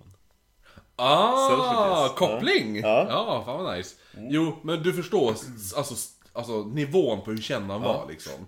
Alltså, ingen, det är, i- alltså alla i hela världen visste vem han var. Så att, men ingen visste ju vem P.M. Parker var. Nej. Alltså Perry Parker var ju nobody. Det var en, a- Ingen det var en, vet ju vem nu Margit Margarin är. det, det är bara, det är bara därför vi bara- som tar upp de här Ja, fallen. ja, Ja, ja. nej men så att, det är som... Det är klart, det, det, faller, det hamnar i skymundan för en sån grej. Ja. men nu vill jag höra mer, om hon sekreteraren. Mm, hon kommer alldeles strax. Eh, det sker dock en annan kidnappning eh, innan det här då. Också. Alltså, Mellan, Också, eh, ja, mellan de här. Ja. som var den 11-åriga James DeJute. Okej. Ja, det är nog franskt. DeJute. Alltså det, James Juden. D-E Ja. och, och så sen stort J-U-T-E. DeJute. DeJute. Ja. Ja. som kidnappades och i kaparbrevet, eller vad man ska säga, kidnappning, lösensum, vad Ja. säger man? Kidnapparbrevet. Ja, ja, ja. Då stod det en varning. Och den varningen löd Remember Marion Parker. Oj. Dock slutade den här historien också tragiskt då pojken hittades död inmurad i en vägg. Oj. Perry Parker, Peter Parker. ja alltså pappan, Ja. levde bara 16 år till och dog 1944. 57 år gammal. Mm. Frun Geraldine dog 75 år gammal 1963. Tydligen så fick hon aldrig veta hur hennes dotter hade dött. Va? Hon, fick, hon visste aldrig om att hon hade blivit styckad. Hon visste bara att hon blivit mördad. Men oj, oj, oj. Hur lyckades hon man hålla det hemligt för henne? Marions äldre bror, som vi inte har nämnt, men han har varit med. Han var en av de som vittnade också han, i rättegången. Jaha. Han är mer, han är inte med så mycket i... När var han född då? Eh, han, 1900. han skulle fylla 76 år när han dog. Mm. Och han dog 1983. Oj. Mm. Så född, han ska vara 76. Eh, 1907? Ja, kanske det. Mm. Ja. Eh, Det är sent på kvällen vi har Ja, druckit. han han var i alla fall tvungen att sitta... För Perry Parker Mm. klarade knappt av rättegången. Men eh, brorsan, Mm. han var den som var tvungen att, att vittna om... Alltså han var tvungen att föra talan Mm. för alla i sin familj. För han var den enda som pallade. Liksom. Det måste finnas han, en intervju med honom i senare tid. Säkert. Och han var tvungen att sitta och titta på den här, alltså på Mördaren. sitta Ja. och titta på. Ja. Eh, Margit? Margit, alltså Marion, tvillingsystern, dog 2 augusti 1987. När jag var två år gammal. Så Marion Parkers lilla äh, Marion Parkers tvillingsyster levde när jag levde. Det är, ja. Så Fast det hon är blev inte inte så... så gammal. Va? Hon blev inte så gammal. Nej. Var- Hon var född 15. Ja. Nej, hon var, inte, nej, hon var faktiskt inte speciellt gammal. Jag menar, jag, Men min, hon satt ju och käkade margarin hela jo, tiden. jag menar både, alltså min, min gammelfarmor på min pappas sida och Både min farfar och min gammelfarmor. Alla blev äldre. Ja, min, men min gammelfarmor på min pappas sida och min gammelfarmor på min mammas sida. Eh, Valborg, hon dog när jag var 12. Och hon, jag, jag vet inte när hon var född. Men min gammelfarmor på min mammas sida, Inga. Hon var ju född 1913. Och hon dog ändå när jag var typ 17 bast. Min gammelfarmor blev typ äldre än, än föräldrarna. Jo, f- pappan han var ju inte gammal alls. Nej. Ehm, Och sekreteraren. Jo. Sekreteraren där, jag vet, jag vet inte hur gammal hon blev, men... Det här fallet, den här händelsen, Ja. tog så satans hårt på fru Holt. Ja. Eh, Hon levde inte speciellt många år efter, Nej. men när hon klev upp i rätten för vittna, vilket var knappt ett år efter själva händelsen utspelade sig, hade hela hennes hår blivit kritvitt. Åh gud, ja. De sa att det såg ut som att hon hade åldrats 20 år. Ja. Och- Jo men stress kan få håret att, att bli vitt. Jo, exakt. Kra- Alltså traumatiska händelser kan göra det. Ja. Och, Det är ju typ eh, som en håravfall och sådana saker. Ja. Man är stressad, det är samma sak. och hon, hennes hår förvandlades bara efter, det började synas tydligen, bara efter några veckor. Men gud. Då hade det börjat synas. Och innan, inom ett år var hon kritvit. Ja. Och som sagt, i rätten så, så sa de att ingen kunde tro att den här kvinnan var, om vi säger att hon var 47. Ja. Det var ingen som trodde det. För hon såg ut att vara 77. Ja. Ja. Jag tycker, hon tycker man ju nästan mest synd om. Ja, och hon, hon förlät sig aldrig. Nej. Och hon, hon vart extremt deprimerad. Eh, PM Parker... Hon tänkte att han sa att ring, Ja, och kollar om det känns och, bättre. och, jo, och PM Parker sa, ha, ha, sa även till henne att ta inte på dig det här. Jag förstår att du släppte iväg henne. Jag förstår det. Du behöver inte. Men hon, hon, hon återhämtade sig aldrig från det där. Och eh, skolan sa, och sa också exakt samma sak. Att hade det inte, även om det var hon som var vice och hon var ansvarig när inte rektorn var där, som fanns på plats. Så hade jag lovat att rektorn, alltså skolledningen sa det här. Så hade jag lovat att rektorn hade handlat på exakt samma sätt. Men det är riktigt. Alltså jag, jag tycker så jävla synd om den här kvinnan. Ja, alltså. verkligen. Eh, Hon levde antagligen också dels för att hon ville vittna mot honom i, i rätten. Ja, jo, jo. Jo, för hon var ju där för att vittna att det var Ja, han som... ja, precis. Att hon ville göra någonting rätt. Alltså stackars, man tänker att en sån här stackars liten gullig tant som sitter i receptionen. Och så... Och så ja, just den där hooken. Som måste ha plågat henne. Ja, att- men ring då. Om det inte Ja. känns rätt så kan du ju slå en signal till banken. Exakt, då är den här. Hade jag bara ringt? Ja. Varför gjorde Hade jag jag ja. gjort det Nej fy fan, jag kan inte... Alltså det går inte att sätta sig in i Nej, för det det där. var just den där Jävla, ifet. ja. Ja. Den, är, Ja. alltså, det, den, måste, den, har, den var ju säkert som en kniv i... Nej, jag alltså, tror inte, jag hade nog inte heller kunnat förlåta mig själv faktiskt. Nej, satan. För tänk dig om någon unge skulle, liksom någon skulle komma fram så typ i Småland. På Ikea. Där jag jobbar så bara, men jag ska hämta det där barnet och han heter si och så. Och så bara, Jo men också just att Marion Parker kände igen honom från banken Ja. där han hade jobbat ett tag. ja. Ja. Och då är det så här att... För Okej, då, för sekreteraren såg ju då också att ja, men hon verkar känna igen honom. Ja. Alltså det är det som, alltså den är... Ja. Det är sån jävla, alltså de här, det, det är riktigt Ja. jobbigt hur, hur tur han hade i den här, ja, Det var ju verkligen så skört där när han sa det, men om det inte känns bra. För han Nej. märkte väl typ att hon var väldigt tveksam. Ja, Eftersom bara, ja men dottern Vilken dotter? Jo, eller hur? Den Ja, han bara, vilken av dem? Ja. Den yngre? Ja, den yngre. Ja. ja. Men i alla fall. Mm. Det här hade ju inte varit ett oknytt avsnitt om vi inte kastade in lite övernaturligt. Oh, ja! För det hände saker efteråt. När ett författarpar började skriva en bok om det här fallet Ja.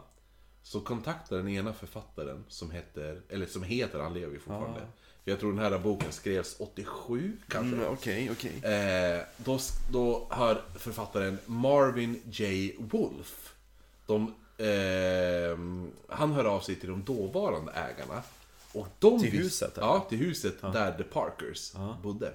Och de visste inte alls om husets historia. Men gud! Och när han berättade om Marion Parker så hade frun svarat i telefonen Aha, ja, det förklarar ju spöket. Så tydligen hade det under åren de bott där, hade de känt av en närvaro.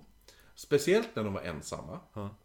Och de sa att det, det var som om någon sprang omkring i huset. Mannen i huset, Steve Daly, som han hette. Han brukade höra fotsteg som sprang omkring eh, i huset när han var ensam. Då, så här. Och han sa att innan han fick veta det här hade han även sagt att han tycker att det låter som en liten flicka som springer omkring. Sen började även saker flytta på sig. Glas som man ställt in i, fl- i kylskåpet, säga. Glas som man ställt in i skåp hittar du sen typ i en garderob. Ja. Tvålen du nyss använde så hittar du den i köket och typiskt sådana där saker. Men de sa eh, att det var aldrig, de var aldrig rädd över det här. För de visste för någon anledning att, att närvaron som de kände var väldigt vänlig. Och det bästa av allt var att när Wolf, författaren där, berättade i telefon om Marion Parker till de som bodde i huset. Det var samma decembervecka som Marion hade mördats nästan 80 år tidigare. Och medan Wolf berättade eh, så, om, om allt det här, så hade, då hade de svarat i telefonen. I thought you would like to know that all of the lights in this house are going on and off right now. Jag gillar den. Ja! Ja. Så... Hon Eh, kom hem igen. oh, jo, hon kommer med. De har tagit dit tydligen... Eh, det har varit medium. the psychic Ja, medium. jo, de har varit där med Psychic Medium.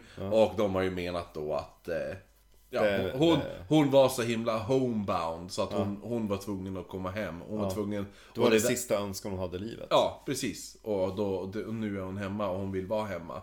Och hon, vill, hon, hon gillar att vara hemma och hon gillar att vara med en familj. Hon, hon trivs och hon...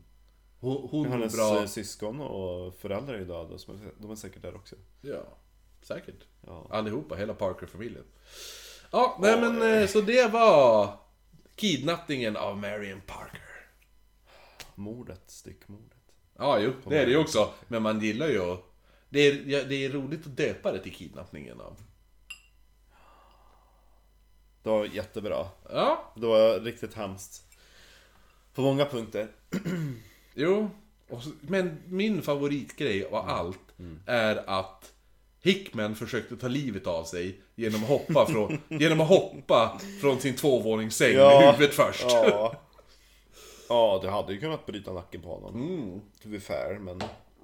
Ja, Oj, oj, oj, oj, oj. Så det var våran, eh, vårat surprise-avsnitt. Grattis till oss! Ja.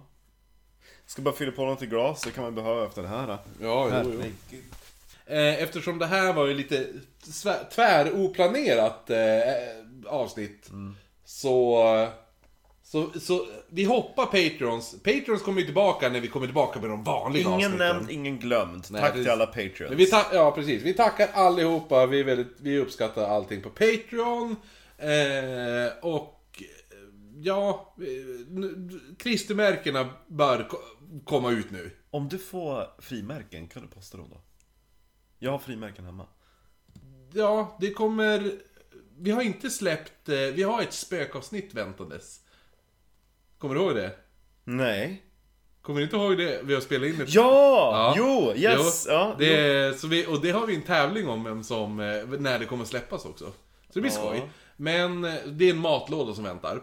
Och så har vi ju... Toffler har ju inte kommit ut än när vi spelar in det här. Men det Nej men det har kommit ja. ut när vi, har, när vi släpper det här. Ja. Men eh, så det här blir grattis till mig för att jag fyller år och grattis till dig för att det är ett år du har varit med i podden. Ja. Så det var en bra, det var en bra ettårs och födelsedagsfirande. Mm. Vi kan alltid fira din ankomst till podden och min födelsedag ihop. Ja, Ja. precis.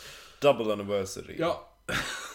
Och eh, ja, så det var väl, vi avslutar väl med en skål och så sen nästa avsnitt, eh, det kommer på fredag och det borde väl vara Alistair Crowley va?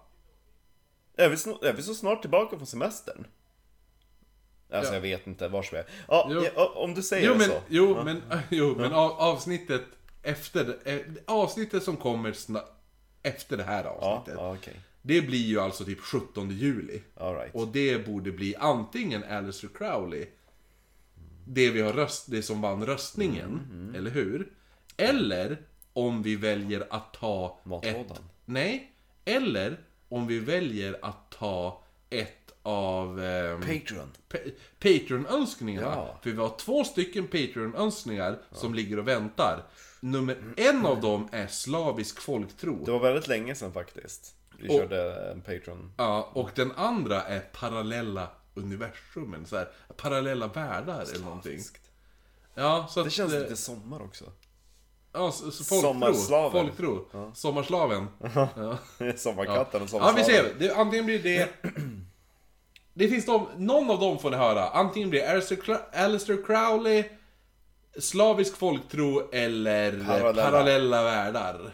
Vi får se. Vi avslutar som vanligt med en skål. Ja. Och den kommer här. Chin chin. Chin chin. Hej då Marcus. Hejdå.